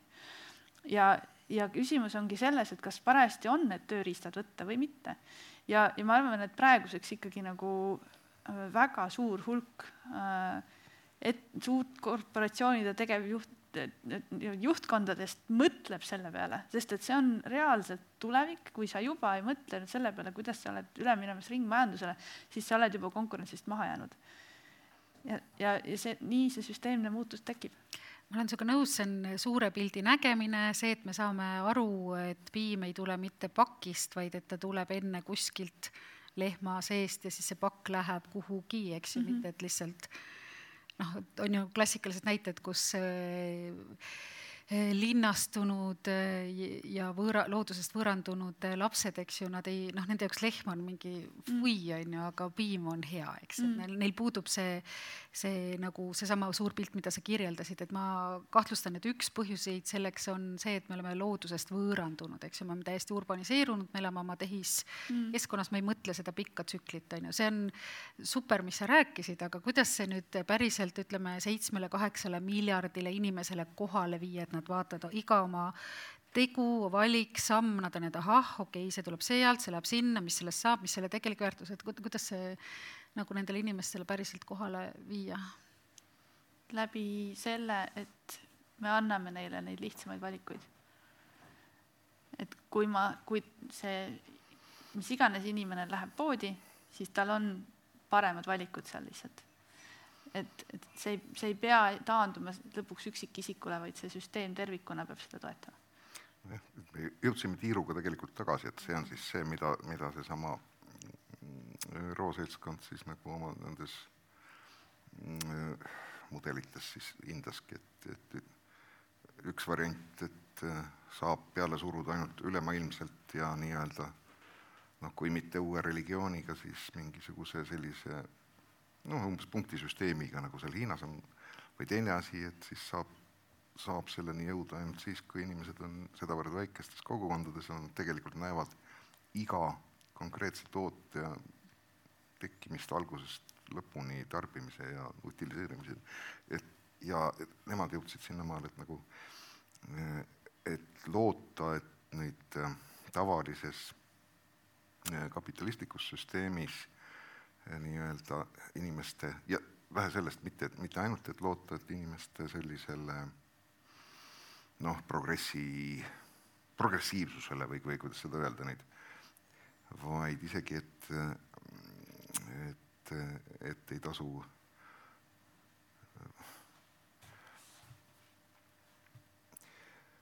ühesõnaga see läheb nagu masendavaks, aga me pidime rääkima optimismist. ja, ja inimkonna helge tuleviku poole, tuleviku majandus. et inimkonda tuleb ühesõnaga helge tuleviku poole ajada suure kaikaga, aga mõned loodavad, et nagu nad ise, ise teevad valikuid, aga noh, vot me see kuus miljardit on ikka üle hirmsasti, ma saan aru et, et noh, et kui, kui selline plaanimajanduse tüüpi asi ikkagi käima panna, siis, siis ta kipub ikka olema nii, nagu seal NSV Liidus oli, tead, et või noh, nagu ta Hiinas on.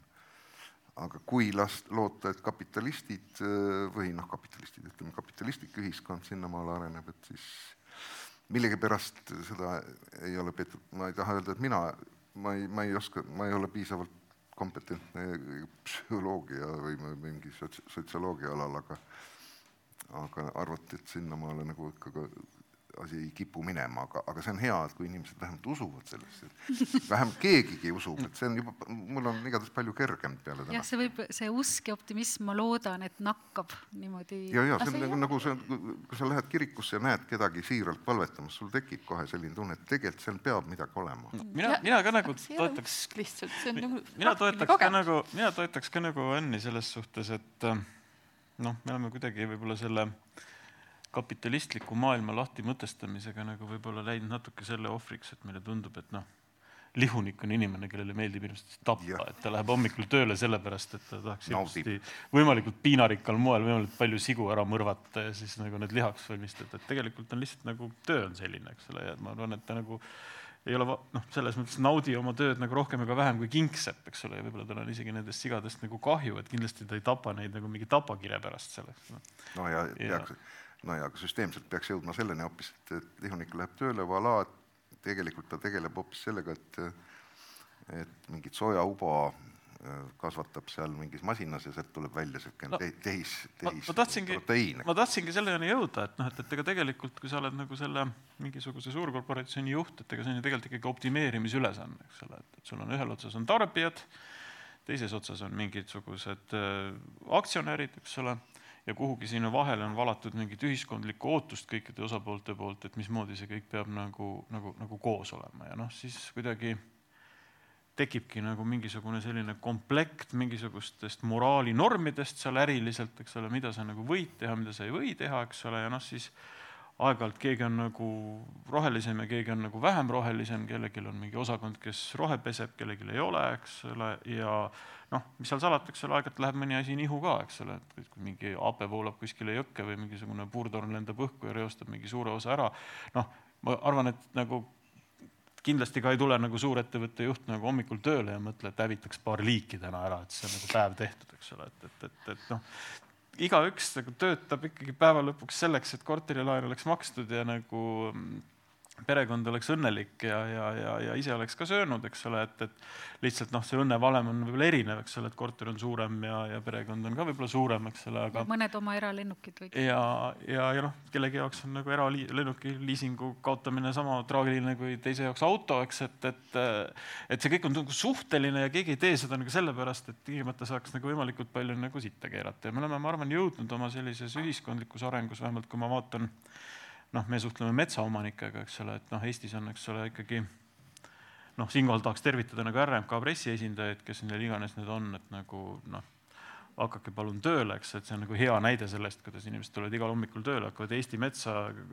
kasvatama ja siis nagu õhtul kirjutatakse neist ajalehes, et saime su kirvega metsast kätte, aga et järgmine kord lööme sellega sulle pähe, eks ole.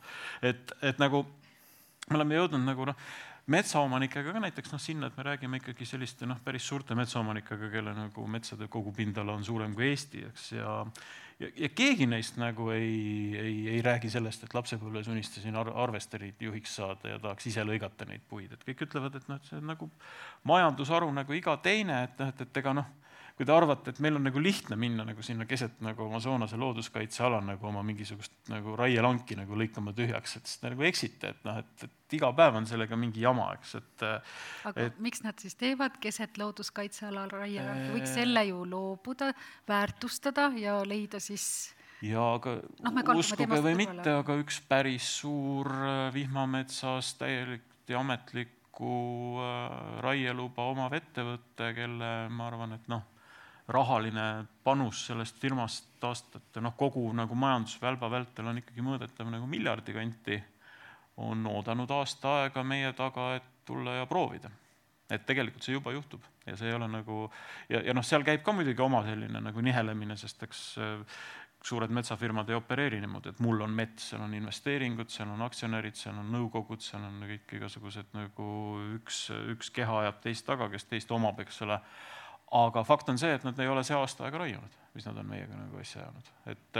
et noh, me, me, meie näeme seda nagu juhtumas, et, et, et tegelikult see kapitalist ei lagasta sellepärast, et tema nagu karma tahab lagastada, vaid selle, lihtsalt see kõik on nagu ühiskondlike ootuste ja selle võimaluste taga mõnes mõttes kinni olnud siiamaani meie podcasti nimi on Üks samm, et igaühele teile sama küsimus. Mis on see üks samm, mida me peaks tegema, et jõuda õnnelikuma elu poole nii indiviidina kui inimkonnana tervikuna? las Ann alustab, tal on nii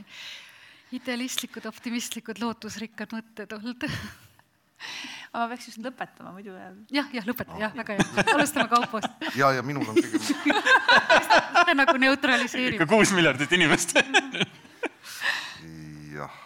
see üks samm. no võib-olla siis üldistatult kõige, kõige olulisem samm jah, peaks olema see, et me oma igapäevases tegevuses tõepoolest tajume seda, mida see tähendab äh, iga meie tegevus äh, maailma jaoks, aga no selle sammu kirjeldamisel ma kipun jääma ette noh, selle kujutluspildiga, et mismoodi see lõpuni välja peaks nägema, aga, aga noh, ma, ma ei, plussid tulevad pärastpoole, et mina nagu ei suuda uskuda sellesse, et lihtsalt et asi on lihtsalt selles, et inimesed noh, ei tea. Ma arvan, et nad teavad küll, aga nad lükkavad selle, pühivad vaiba alla selle probleemi ja ja sellepärast minu meelest tuleks panna inimesed sellesse olukorda, kus nad, kus nad ei saaks teisiti käituda. ma arvan, et see samm peab olema see, ma ei, ma ei suuda siin nagu öelda, et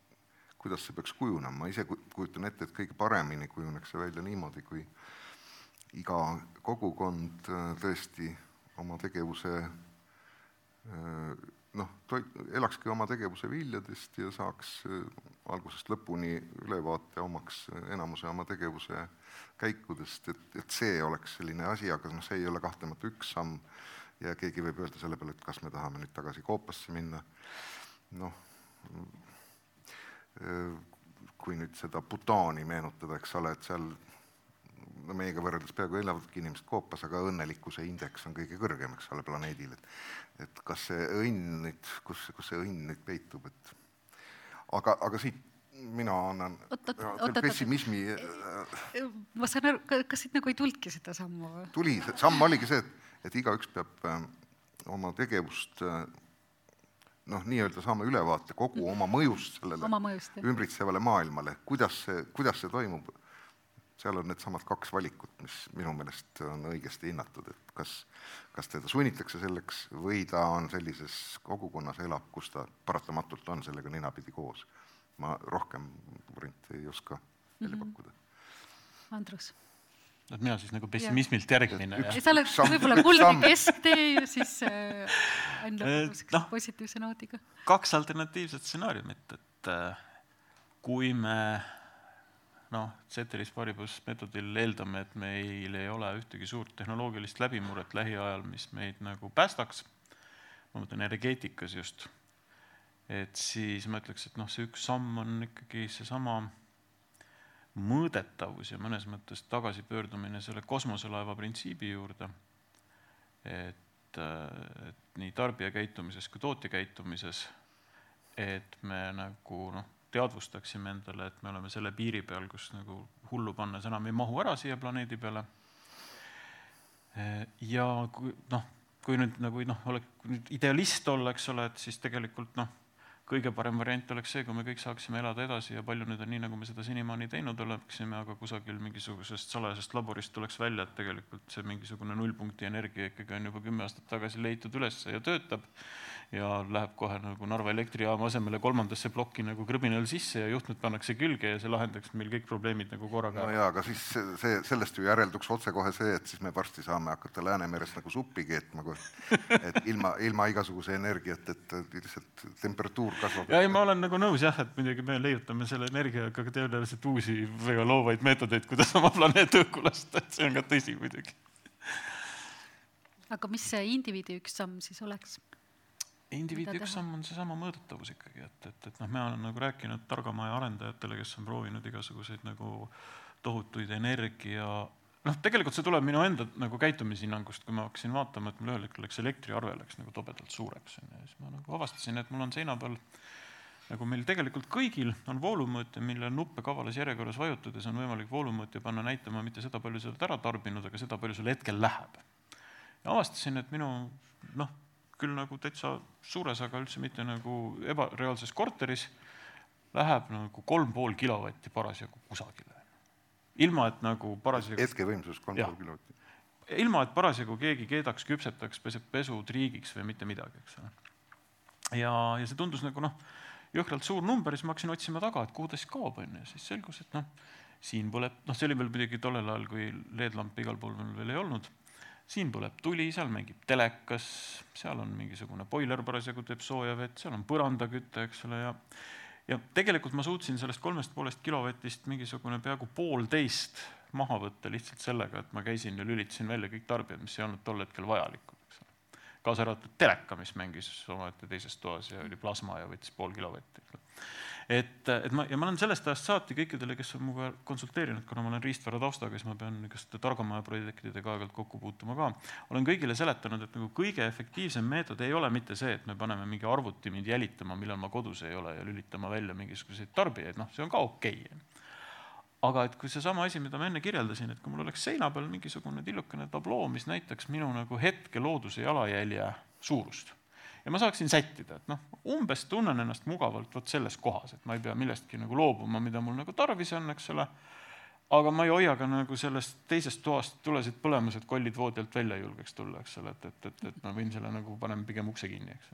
et, et, et kui selline tabloo, mis nagu näitaks seda graafikut ja läheks vaheldumisi nagu roheliseks ja punaseks ja tuletaks mulle meelde, et kuule, et noh, see ei ole okei okay,, onju. ma arvan, et noh, kolmandiku ma suudaksin kindlalt oma energiatarbimisest nagu maha saagida äh, kodus olemise ajal ja ma arvan, et noh, see tarbijakäitumise teadvustamine ongi just nimelt see, mis nagu on see mõõdetavuse nagu teine pool, et me annaksime endale aru, et noh, see praegune kaks kilovatti, mis siin laes meid niisama nagu paistab meie peale, et meil oleks nagu popp olla ja, ja, ja. keerake välja need pildid et, et, et, et noh et, et, et noh, noh ja, ja tegelikult, eks ole, kõigil on halb, eks ole, meie ei näe saali, eks ole, Peeter peab elektri eest maksma ja nagu täiesti nagu kasutu kaks kilovatti, aga ometi nii on kombeks, onju et minu panus oleks võib-olla siis jah, see tabloo, kui peaks olema nagu tarbija käitumise samm mm. -hmm. Ann, sammud õnneni. ma teen asja veel lihtsamaks, minu meelest ma, mina küll ei viitsi oodata, et keegi selle tabloo mulle sinna seina peale paneb, ma läheks ikkagi nagu common sense'iga peale, et, et äh, ma suudan, olen siiski suuteline mõtlema, et, et okei okay,, et kui ma nagu äh, praegu siin olles nagu, mida ma tarbin, on ju, riided äh,, elekter, mikrofon, ma ei tea, mida iganes, on ju, ühesõnaga kogu aeg on võimalik mõelda selle peale mida ma siis tarbin ja kust see tuli ja, ja nii edasi, onju. me tihtilugu lihtsalt ei tea seda, noh näiteks seesama riiete jalajälge inimesed ei tea, onju, seda on väga raske seina peale mõõdikud panna äh,. palju see meie, meie riided tegelikult keskkonnamõju tekitasid ja kust see kõik tuli. aga mida me saame mõelda, on see, et, et, et iga kord, kui me teeme mingisuguse otsuse, et, et kas me saame seda Äh, kas me saame seda otsust natukene parandada niimoodi, et, et, et kui me tõesti mõtleme lihtsalt väga nagu prostalt selle peale, et kust see ressurss tuli ja kuidas ma saaks teha samaväärse otsuse niimoodi, et ma kasutan selleks vähem ressurssi. ja kui seda nagu, nagu lihtsalt, lihtsalt, lihtsalt talupoja mõistusega võtta, on võimalik juba sealt väga palju vähendada äh, mõjusid. et, äh, et, et üks on, üks näide, mis ma siia tooks, on see, et, et ma olin äh, äh, kunagi panime püsti Facebooki grupi äh, Pakendivaba poodlemine ja siis äh, see oli niisugune tore algatus ja initsiatiiv, aga siis elu läks edasi ja ma sellega väga ei tegelenud ja siis ühel hetkel ma sain aru, et aga ma olen ikka selle Facebooki grupi administraator ja seal tuleb iga päev ideid, kuidas, kuidas elada pakendivabalt. ja siis ma lugesin seda ja iga kord tundsin süümekaid, et ma üldse ei viitsi sellega tegeleda, mul ei ole aega lihtsalt ja siis ma otsustasin ühel, ühel hetkel, et okei okay,, et aga ma teen niimoodi, et ma võtan iga kuu ühe näpunäite sealt ja proovin. Siis ma proovisin äh,, ma ei tea, hambapasta tablette, proovisin, läksin üle teistsugusele deodorandile, noh, pisikeste sammude kaupa. ja noh, ma praeguseks saan öelda, et ma olen nagu teinud märkimisväärse hulga väikseid pisikesi muudatusi, mis kokku teen, moodustavad äh, tervikuna palju, päris korraliku jalajälje, millega ma olen, mida ma olen vähendanud mitte ainult endal, vaid ka siis oma perekonnal, on ju. et, et, et need muudatused, mis me saame teha kokkuvõttes, ei ole üldse rasked, on ju aga, aga teine näide siis sellest muudatustest, mis me teha saame, üks hetk tuli minu juurde üks Riigikogu liige küsima, et Ann, et et, et ma, ma otsin nagu veel endale väljakutset, et mida ma saaksin teha või kuhu ma saaksin tööle minna või kuhu ennast appi pakkuda, et saaks keskkonnamõjusid nagu vähendada. ja siis ma nagu, ma olin nii kohutavalt üllatunud selle küsimuse peale, et, et kui sa oled Riigikogus ja sa ei tea, mida sa teha saad, siis kus siis veel et, et kus ma siis, kus ma siis veel peame minema, onju et, et tegelikult nagu ükskõik, kus sa oled, kes sa oled, mis süsteemi osa sa oled, sa tunned seda süsteemi kõige paremini, kus sa parajasti oled. et sa ei pea minema kuskile mujale, et tegema, teha mingeid muudatusi, vaid proovi mõelda, mis sa selles süsteemis, kus sa kõige parem ja oma eks-, oma ekspertiisiga saad teha midagi, mis need väiksed asjad on, mida saab teha niimoodi, et mitte sa ei muuda võib-olla ainult enda käitumist, vaid sa kuidagi nagu kavalalt mõjutad ka mingit suuremat hulka inimesi ja, ja nii see käibki. aitäh. vaatame, kas on küsimusi ka publiku seast. küsi mikrofoni, palun mul on kohe üks küsimus, aga hästi üldine küsimus, praegu läks just nii üksikule ja mulle hästi meeldis see lõpp, et sa kindlasti tegid, noh, ainuke, kes me teame, kes jagamismajandusega tegelema läks, et ma loodan, et tema ei küsinud sinu käest nõuannet ja sa ei soovitanud Bolti taksojuhiks minna. ei. okei, see selleks. aga ma tahtsin küsida selle üldise küsimuse, et, et kui me nüüd kujutame ikkagi ette sellist suurt majandusformatsiooni, et me oleme jõudnud sellisest sotsialistlikust plaanimajandusest kapitalismi, et et äh, kas te kujutate ette, et siit ikkagi võiks nüüd nähtavas tulevikus ehk siis, et, et meist kellegi silmad võiksid seda ära näha, tulla mingisugune täiesti uus äh, selline mudel, et mitte, et me ei tuuni seda kapitalismi kas sinisemaks või rohelisemaks või punasemaks, vaid me lähemegi, nii nagu Ann ütles ennem, et ühelt platoolt järsku teisele platoole, et nagu oktoobrirevolutsioon ja me oleme järgmisel, järgmises äh, majandusmudelis või me hakkame ikkagi allapoole tagasi minema ühel hetkel jõuame naturaalmajanduseni tagasi, et, et kas võiks midagi täiesti uut tulla või pigem mitte? jah, kas on üldse laual need äh, nii-öelda päris, päris uued mudelid? No naturaalmajandusele tagasiminekust on siin paar korda juttu olnud, et naturaalmajandus on tore asi, aga selle jaoks on meil juba liiga palju inimesi, et meie planeedi nagu jalajälg sellist ebaefektiivset, mina kasvatan sulle kartuleid, sina annad mulle kirve vastu, et sellist nagu majandusmudelit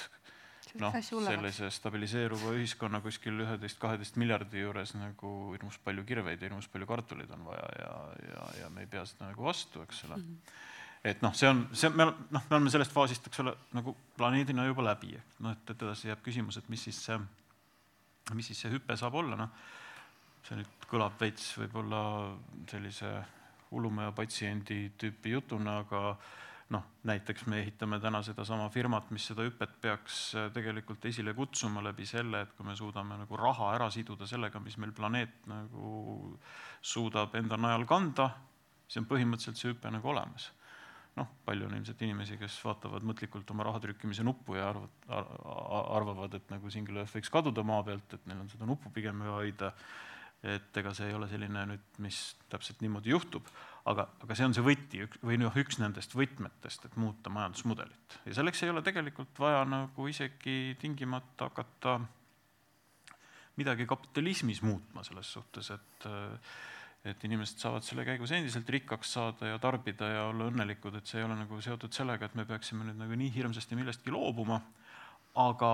me täna tarbime väärtusi, mille sekundaarne kulu läbi nagu loodusele pandud surve ei avaldu mitte milleski no see oli see, mis sa rääkisid nafta väljakaevamisest, eks ole, et see dividend, mis on sinna selle nelja miljoni aastaga nagu kogunenud ja mida me nüüd laseme tagasi õhku, eks ole, tänu sellele põletamisele, see dividend ei kajastu mitte milleski, noh. okei okay,, me oleme nüüd hakanud saastemaksudega viimaste kümnendite jooksul tõsisemalt tegelema, aga noh, see on ikkagi nagu jäämäe tipp tegelikult ainult, eks ole. et, et jah, seesama tagasiside meetod, kui see õnnestub, siis see ongi see hüpe. ringmajandus ähm kui üks videoklipp on Youtube'is üleval, kuidas äh, üheksakümnendate algusest mingi telesaade kuskil USA-s küsi-, küsivad äh, ülikonnas härras, härraste käest küsitakse, mis asi on internet. ja siis keegi ütleb, et see on vist minu teada üks nagu parem meetod posti saata. et, et see, see oli hästi naljakas on tagantjärgi vaadata, kuidas noh, päriselt ka noh, ei kujutatudki ette, mida internet võiks endast ühel päeval kaasa tuua. Et ma näen seda hästi selgelt ringmajandusega, et, et see enamasti on sõna, mis tähendab meie jaoks jäätme, paremat jäätmekäitlust ja that's it.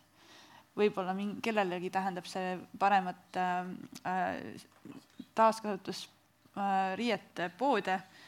või taaskasutusasjade poode äh, ja, ja sellega meie kujutluspiir äh, lõpeb. aga tegelikult ringmajandus on väga selgelt uus majandusmudel ja, ja kui siin, kui nüüd aru saada ka sellest, et ringmajanduse kontseptsiooni kuulub ka materjaliringluse aeglustamine äh, ja, ja selle materjali väärindamine noh, väga mitmetel tasanditel ja nüüd sinna see majanduse äh,, majandusmehhanism juurde panna ja, ja võttagi seda kui, kui majandusmudelit, siis sellel on väga-väga suur jõud taga. no mina arvan, et, et hüpe meil tuleb nii või naa, iseasi, et kas me hüppame üles või alla. et ja, ja tavaliselt ei ole ju keegi neid asju ette planeerinud, ega siis ma ütlen, et sumerid, ei olnud niimoodi, et sumerid tegid koosoleku, ütlesid mehed, hakkame nüüd tsivilisatsiooni tegema, et nad lihtsalt täiesti kogemata avastasid äh, täiesti hullumeelse asja, et mida nad teadsid, olid alati teadnud, aga nad ei olnud kunagi selle peale tulnud, et paned ühe odratera maha,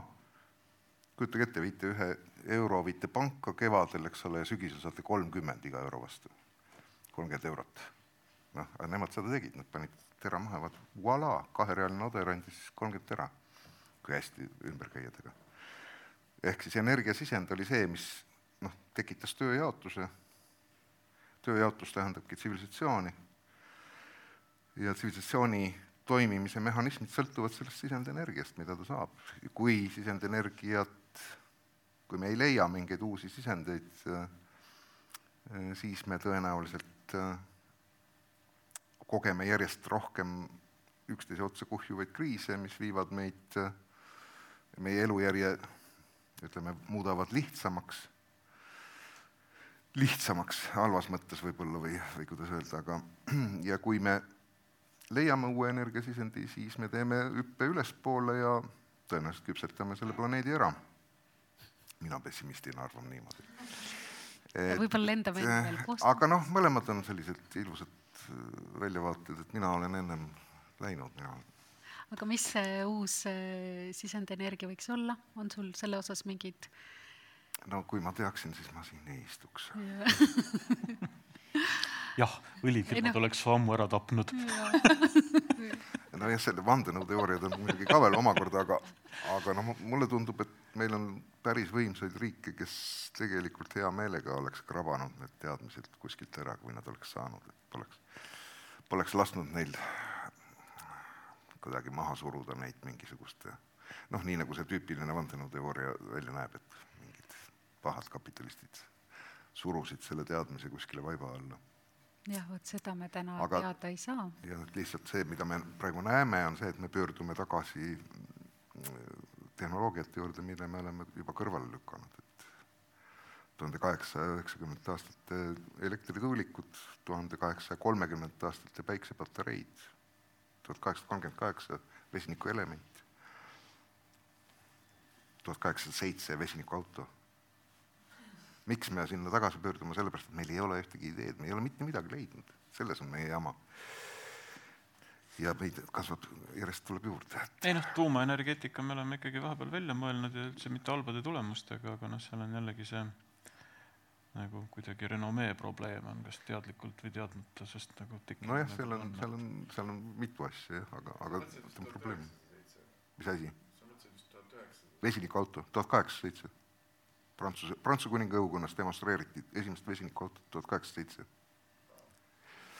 Kaheksasada kolmkümmend kaheksa pat-, patenteeriti esimene vesinikuelement. kusjuures selle sajaaastase, selle sajaaastase vahemikuga, ma pean üks täielik, täiesti asjasse mittepuutuva kõrvalepõigega seotud tuumaenergeetika ja sellega, et kas tuhat kaheksasada seitse või tuhat üheksasada seitse, et sõitsime autoga ja ühel päeval minu poeg küsis mu käest, et kas on nagu sihuke varateismeline, et kas Vene tsaaril oli ka tuumapomm? Ja see kõlas noh, täiesti sellise jabura küsimusena ja siis ma olin juba peaaegu tõmmanud kopsud õhku täis, et hakata nagu proovima seletada, kui naeruväärne see oli, kui ma sain aru, et Vene tsaari ja tuumapommi vahele jäi napp kolmkümmend aastat. Et kujutage seda ajalist välpa ette, et tegelikult sellest mõõgaga ja, mõõgaga ja kublatega mehest nagu kolmekümnendat aastateks mööda, et oleks olnud võimeline kellelegi tuumapommi pähe viskama, et see tehnoloogia arengus, need kiirused on hästi naljakad teinekord. tehnoloogia arengu kiirused on, sõltuvad ühiskonna ülesehitusest, see on huvitav, sest et noh, näiteks äh, see näiteks, näiteks aurumootorit demonstreeriti Rooma imperaatori õukonnas esimesel sajandil, esimest aurumootorit, aga kuna ühiskond oli üles ehitatud selline, et sai kasutada orjatööjõudu ja ei olnud mõtet nagu noh, tarbekaupade, tarbekaupade tootmise revolutsioonile minna, sest see oli see mootor mis siin on käivitanud asja. et siis, siis nagu jäigi see lihtsalt niisuguseks kõrvaliseks seisa-, seigaks, aga see on, see on iseenesest ju selle asja oli väga romantiline nimi veel, Aer-, Aele-, Aerepolia, midagi siukest. no sellepärast ta ei tõusnudki lendu tollel hetkel, et nimi oli nii keeruline. aga igal leiutisel peab olema õige aeg ja koht, koht no. ka, et, et kui, kui mõelda selle peale, kuidas äh, päiksepaneelid kunagi oli, oli jutt, et, et see on nii kallis ja elektrit läheb rohkem äh,, energiat läheb rohkem äh, paneeli tootmisele, kui seda, seda, paneel ise seda genereerib ja, ja selle paneeli tootmise hind on nii kõrge ja nii edasi ja siis läks paar aastat edasi ja järsku olid paneelid igal pool, sellepärast et leiti võimalus seda teha nii palju tõhusamalt. et, et noh, reaalselt ühiskond vajab sellise no, protsessi, et need asjad õige koha ja ajal jääksid. teema seal, seal. aga võtame järgmise küsimuse publikust. tere, mul on küsimus Singelörtile, et Mm. Äh, mul ei oleks midagi selle vastu, et äh, metsad nii-öelda alles, on väga tore, aga kas teie oma tiimiga olete mõelnud seda, et, et siis see tulu teenimine põhineb ikkagi sellel omandil? et mis siis saab nendest, kes ei ole omanikud, et meil on siin maakeral ju mitu miljardit inimest ja kõik ei ole omanikud, näiteks mina ei ole metsaomanik. noh, küsimus on selles, et ega tegelikult sellest, et sa ei ole selle metsa omanik, ei ole täna ju seotud sinu võime tarbida neid hüvesid, mida see mets toodab, eks ole, et, et sedasama süsiniku sidumist ja, ja vesikonda ja kõike muud, mida see mets toetab, et noh, see ongi, see ongi see teenus, mida sa saad, sõltumata sellest, kes on omanik. ja, ja see on ka üks põhjusi, mispärast me ei ole nagu neid teenuseid kunagi proovinud parem makstavaks teha, sest neid on väga keeruline kinni keerata, eks ole, et, et väga keeruline on öelda, et ma ei anna oma süsiniku sidumist teile, eks ole, et, et makske mulle raiped et, et see on nagu üks pool sellest, et, et see on nagu ühiskondlik hüve, omanik pakub seda täna tänu sellele, on tema raha seal metsatuka all kinni, eks ole, ja ja mõnes mõttes nagu võiks keegi talle siis tasuda selle eest, on ju, et nüüd, nüüd, nüüd sellel küsimusel on tegelikult üks teine pool, mida me, mida me näeme juhtumas ja mida me juba nagu oleme ka päriselt näinud juhtumas. ja see on esiteks see, et näiteks peale seda, kui me esimest korda valjusti ütlesime, et äh, me tuleme sellise teenusega välja, see oli umbes aasta-poolteist tagasi, kui me esimest korda Eestis nagu natuke hakkasime avalikumalt rääkima ja inimestele, kes tollel hetkel ostsid kokku maid, ütlesid, et mõttetute maade hind, millega midagi teha ei ole, tõusis umbes kolmkümmend protsenti peale seda. et, et see nagu hakkas juba omandisuhtega nagu see jauramine pihta, sest ühel hetkel hakkas tekkima see ökosüsteemi teenuste kontseptsioon, mida varem ei olnud keegi mõelnud, et mingisugune täiesti ilma äh, raieloata nagu võsa võib ka midagi väärt olla. ja, ja seal on veel palju selliseid huvitavaid asju, et sa lähed oma meelest tegema head, aga avastad hoopis, et seal tekivad mingid vastupidised protsessid, näiteks äh, hakkab see mõjutama just metsamaterjali hinda, eks ole, mis tähendab seda, et surve raieteks kohtades, mis ei ole kaitse all ja mida ei ole meie platvormiga ühendatud, nagu suureneb, eks ole. teine huvitav asi, mis on, on see, et kuna siiamaani ei ole metsad olnud väga hea investeerimisvara selle tõttu, et neilt saab ainult iga kaheksakümne aasta või saja aasta tagant korra kasumit ja ülejäänud aja on nad nagu, nagu kulu, siis näiteks sellise pideva tootluse mudeliga me ajasime päris mitu nagu päris mitmemiljardilist fondi ajasime kuumaks, kes ütlesid, et väga hea, me hakkame nüüd maid kokku ostma, me saame nüüd jooksvat tootlust, aga jooksva tootluse jaoks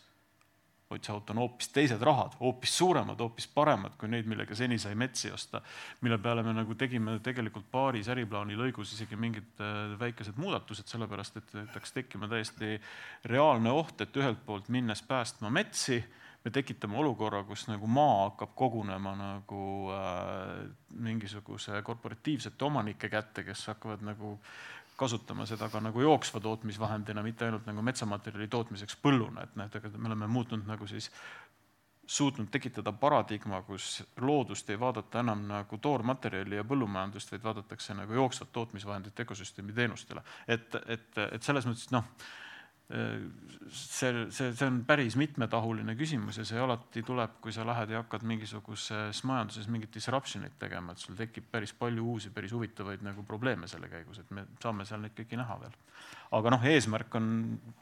ikkagi nagu planeet ära päästa, et noh, omab teda siis mingisugune Saksa pank, noh, las omab siis, eks ole, vähemalt saab no, elada seal seljas. ma parandaks, et eesmärk on inimkond ära päästa, eks ole, tegelikult no ega me, ega me sellest planeedist, olgem ausad, nii väga, et me, me tahame ikka ise jääda kuidagi ellu. ma toon siia kõrvale teise näite veel äh, meie tööst, et meil on, äh, me vaidleme iga, äh,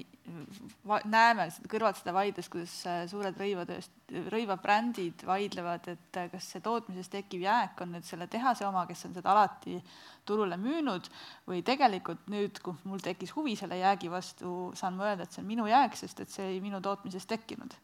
et kes see tegelikult seda omab. ja, ja siis äh,, mis ma tahtsin tuua selle paralleeli, on see, et, et selle, see, see uuele süsteemile üle, üleminek meil ka on nagu näide siis sellest, et materjali lõpuks müüb teha, tehas ja saab selle eest raha, omandisuhe muutub äh,, omandi müük toimub traditsioonilisel meetodil, aga siis sinna peale tekib see nii-öelda see äh, teine omandisuhe et kellel on õigus materjalile ligi pääseda ja siis nagu mingisugust äh, teisi otsuseid teha. et, et äh, tegelikult on nagu noh, huvitav vaadata, kuidas on nagu mingisugune niisugune mitmekihistumine tekib, mida sa, võimaldab teha seesama blockchain on ju no ma sain kunagi sinuga rääkides aru, et sul on nagu õnnestunud ka oma äris tekitada disruption, kus nagu jäätmed on otsa saanud järsku. jaa, jäätmed on otsa saanud, täpselt, nii ongi. varsti tuleb tekitada tehas, mis toodab jäätmeid, et kõik Aga saaksid jäätmetest oma rohelisi särke toota. Need ei ole jäätmed, need on jäägid. see on definitsiooni küsimus jah, üldiselt ongi, jäätme definitsioon ongi, et äh, materjal, mis asub valel, vales kohas valel ajal mm. -hmm ja mina kõigepealt õiendaks selle lambi küsimuse ära keerad välja? ei, no vaata, kõik lambid ei põle sellepärast, et oleks valge, vaid mõni põleb sellepärast ka, et oleks ilus. eks ole, et äh, nüüd noh, kui edasi minna siit, siis põhimõtteliselt ega siis Andrus samamoodi äh, ju kulutad energiat, kui sa räägid, eks ole, nüüd selle lava peal, et no juba see on viga, et üldse te siin räägite. no ma ei tahtnud Ingridi podcast'i kui sellist et, või Rohetiigri podcast'i kahtluse alla seada. kõige, kõige säästlikum oleks olla vait ja pimedas. Et selles mõttes kogu see ettevõte siin on nagu kuradist lõpuks ometi tuli sõnum, kuidas päästa maailma vaikuses ja pimeduses. just, et ja noh, samamoodi, ega siis, kui seal ülemisel korrusel õnnestub näiteks mõni imeline teos teha, mis paneb sul südame kiiremini põksuma, et nii ilus, siis tähendab jälle, et sa kulutad energiat rohkem, eks. süsinikku tuleb. lisaks tulid siia kohale ja nii edasi, nii edasi, nii et ühesõnaga sellest lambist saab edasi minna väga kaugele aga nüüd äh, teema juurde veel, et minu arusaam on, on vist natukene ka sinna kaupa poole, et ega kui sundust ei ole, siis mitte midagi ei muutu. et inimesel peab olema mingisugune sundus. ükskõik, kas see on siis globaalne katastroof, noh, mis ju ka ütleme, tõenäosus, et see juhtub, on ütleme siis suhteliselt suur või siis teine variant, äh, mis mulle ka tänasest jutust väga meeldis, on need mõõdikud, et kui tõesti, kui suudaks äh, nagu arusaadava mõõdiku tekitada, mis oleks osa majandussüsteemist, siis sellesse võiks nagu ka uskuda, et see oleks samamoodi sundus. ja, ja ühtlasi ma tahaks kangesti seda tablood ka oma seinale mis, millest sa, Andrus, rääkisid. mina väga usun sellesse ausalt öeldes, et kui Ann suudab ise äh, oma peret niiviisi mm, hoida, et igaüks äh, no, käitubki mõistlikult ja, ja paneb ise tähele, et kui kuskil ei, ma ei tea, mõni ventikas tööle pärast vetsust käimist või, või, või kusagil jäi mõni uks paokile, siis mulle meeldiks igal juhul oma kollektiivi peale mõeldes ja iseendale küll see tabloo et ma arvan, et see oleks täitsa üks vajalik toode. minu meelest see oli lihtsalt küsimus oli selles, kas üks samm või kaks sammu, et minu jaoks see kõigepealt teen ise ja siis saan mõõdiku ka, sest mõõdikuga läheb lihtsalt kauem aega, sellise mõtte Need olid vist minu sendid praegu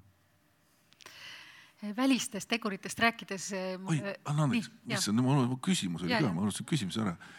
lihtsalt see tuli meelde, et, et kui sa, Ann, räägid nii toredasti sellest äh, ringmajandusest, siis mulle meenub see äh, mõni aeg tagasi, mitte üldsegi väga ammu, oli sama innukalt minu meelest, kui ma ei eksi, vist isegi siinsamal äh, laval rääk-, ma ei mäleta, kes see rääkija oli, aga üks Graali Akadeemia loengusarju see oli, kus äh, kirjeldati kui homset parimat varianti jagamismajandust. ja see tunduski tollel hetkel nagu noh, ainuvõimalik, et sinnapoole me lähmegi ja ja siis tolleks hetkeks oli ka juba mõned head näited, noh vist oli juba Taxify tekkinud, eks, millest tänaseks on saanud hoopis midagi muud. eks ole, et see oli ju nagu sõidu jagamise teenus, millest täna on saanud üks, üks rahvusvaheline taksofirma, eks.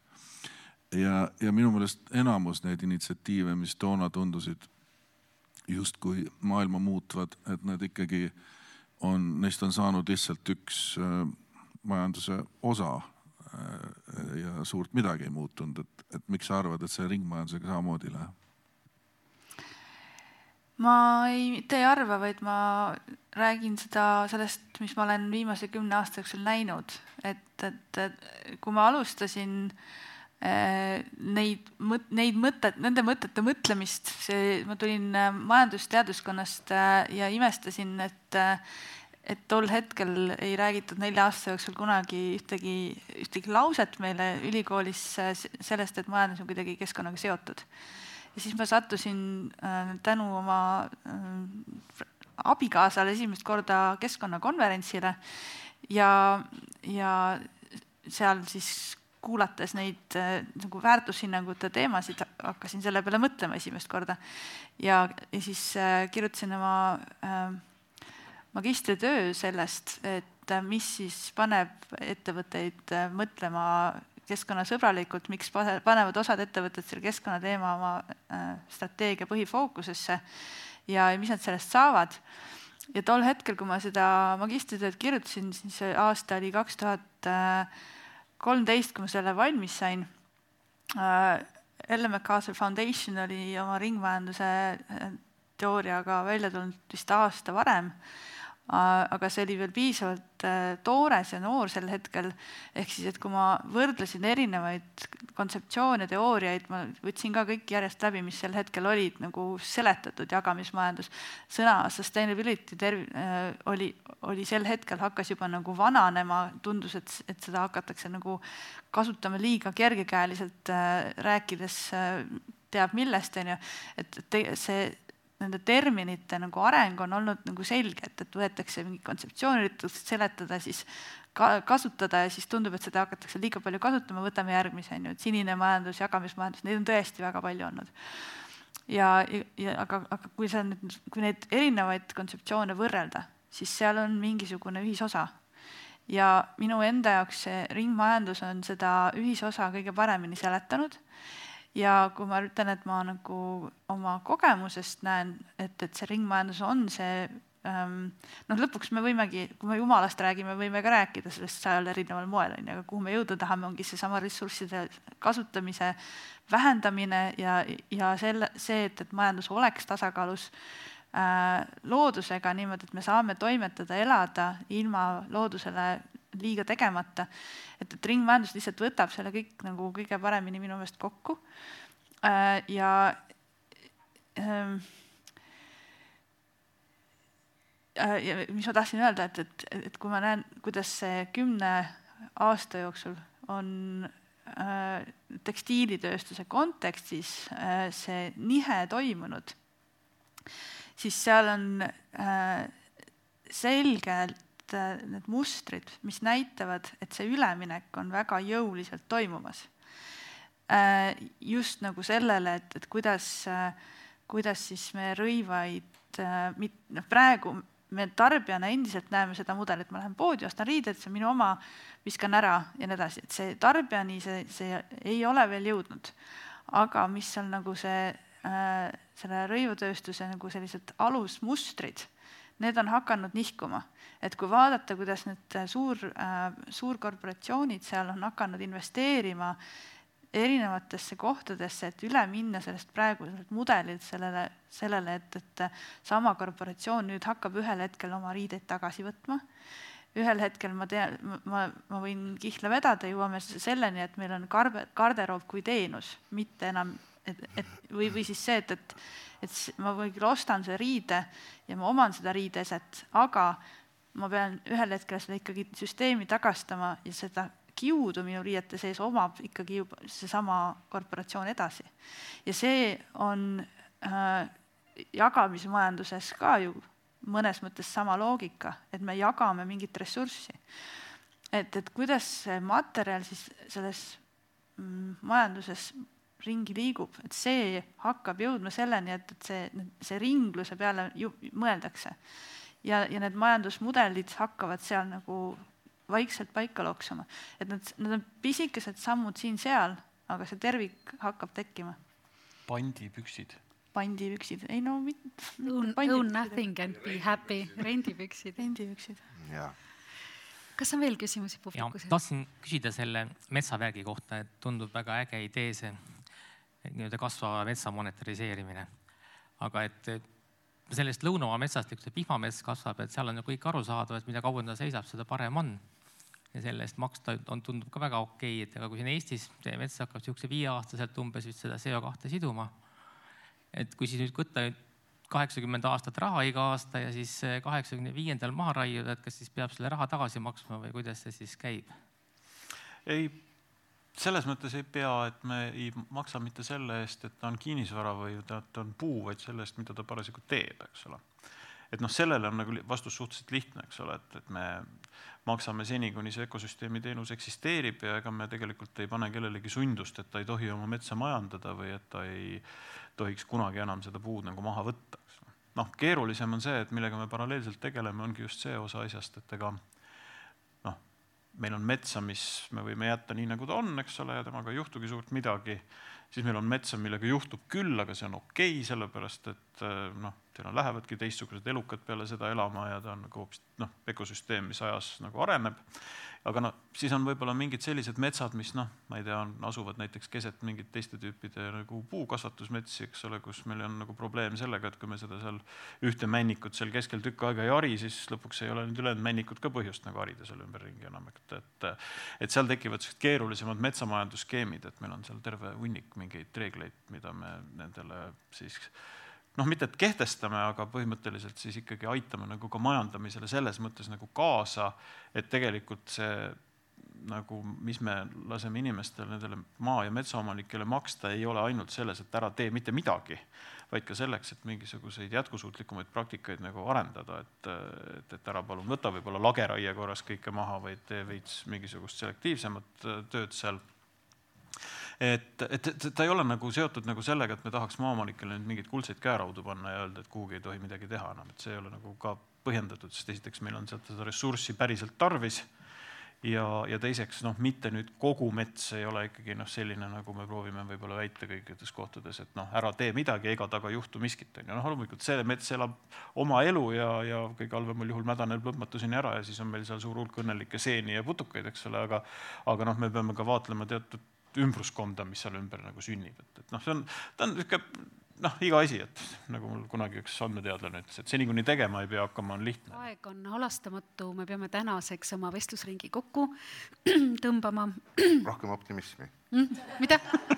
mis sa ütlesid? rohkem optimismi. jah, õnneks Ann äh, pakkus meile optimismi ka ja meie tänane Rohelise Tiigri klubi ja Von Krahli Akadeemia ühisüritus Üks samm on jõudnud lõpule. aitäh teile, head vestlusringis osalejad, Andrus Aaslaid, Ann Runnel, Kaupo Vipp, aitäh! Ja aitäh, hea publik siin saalis, aitäh heli- ja videomeestele,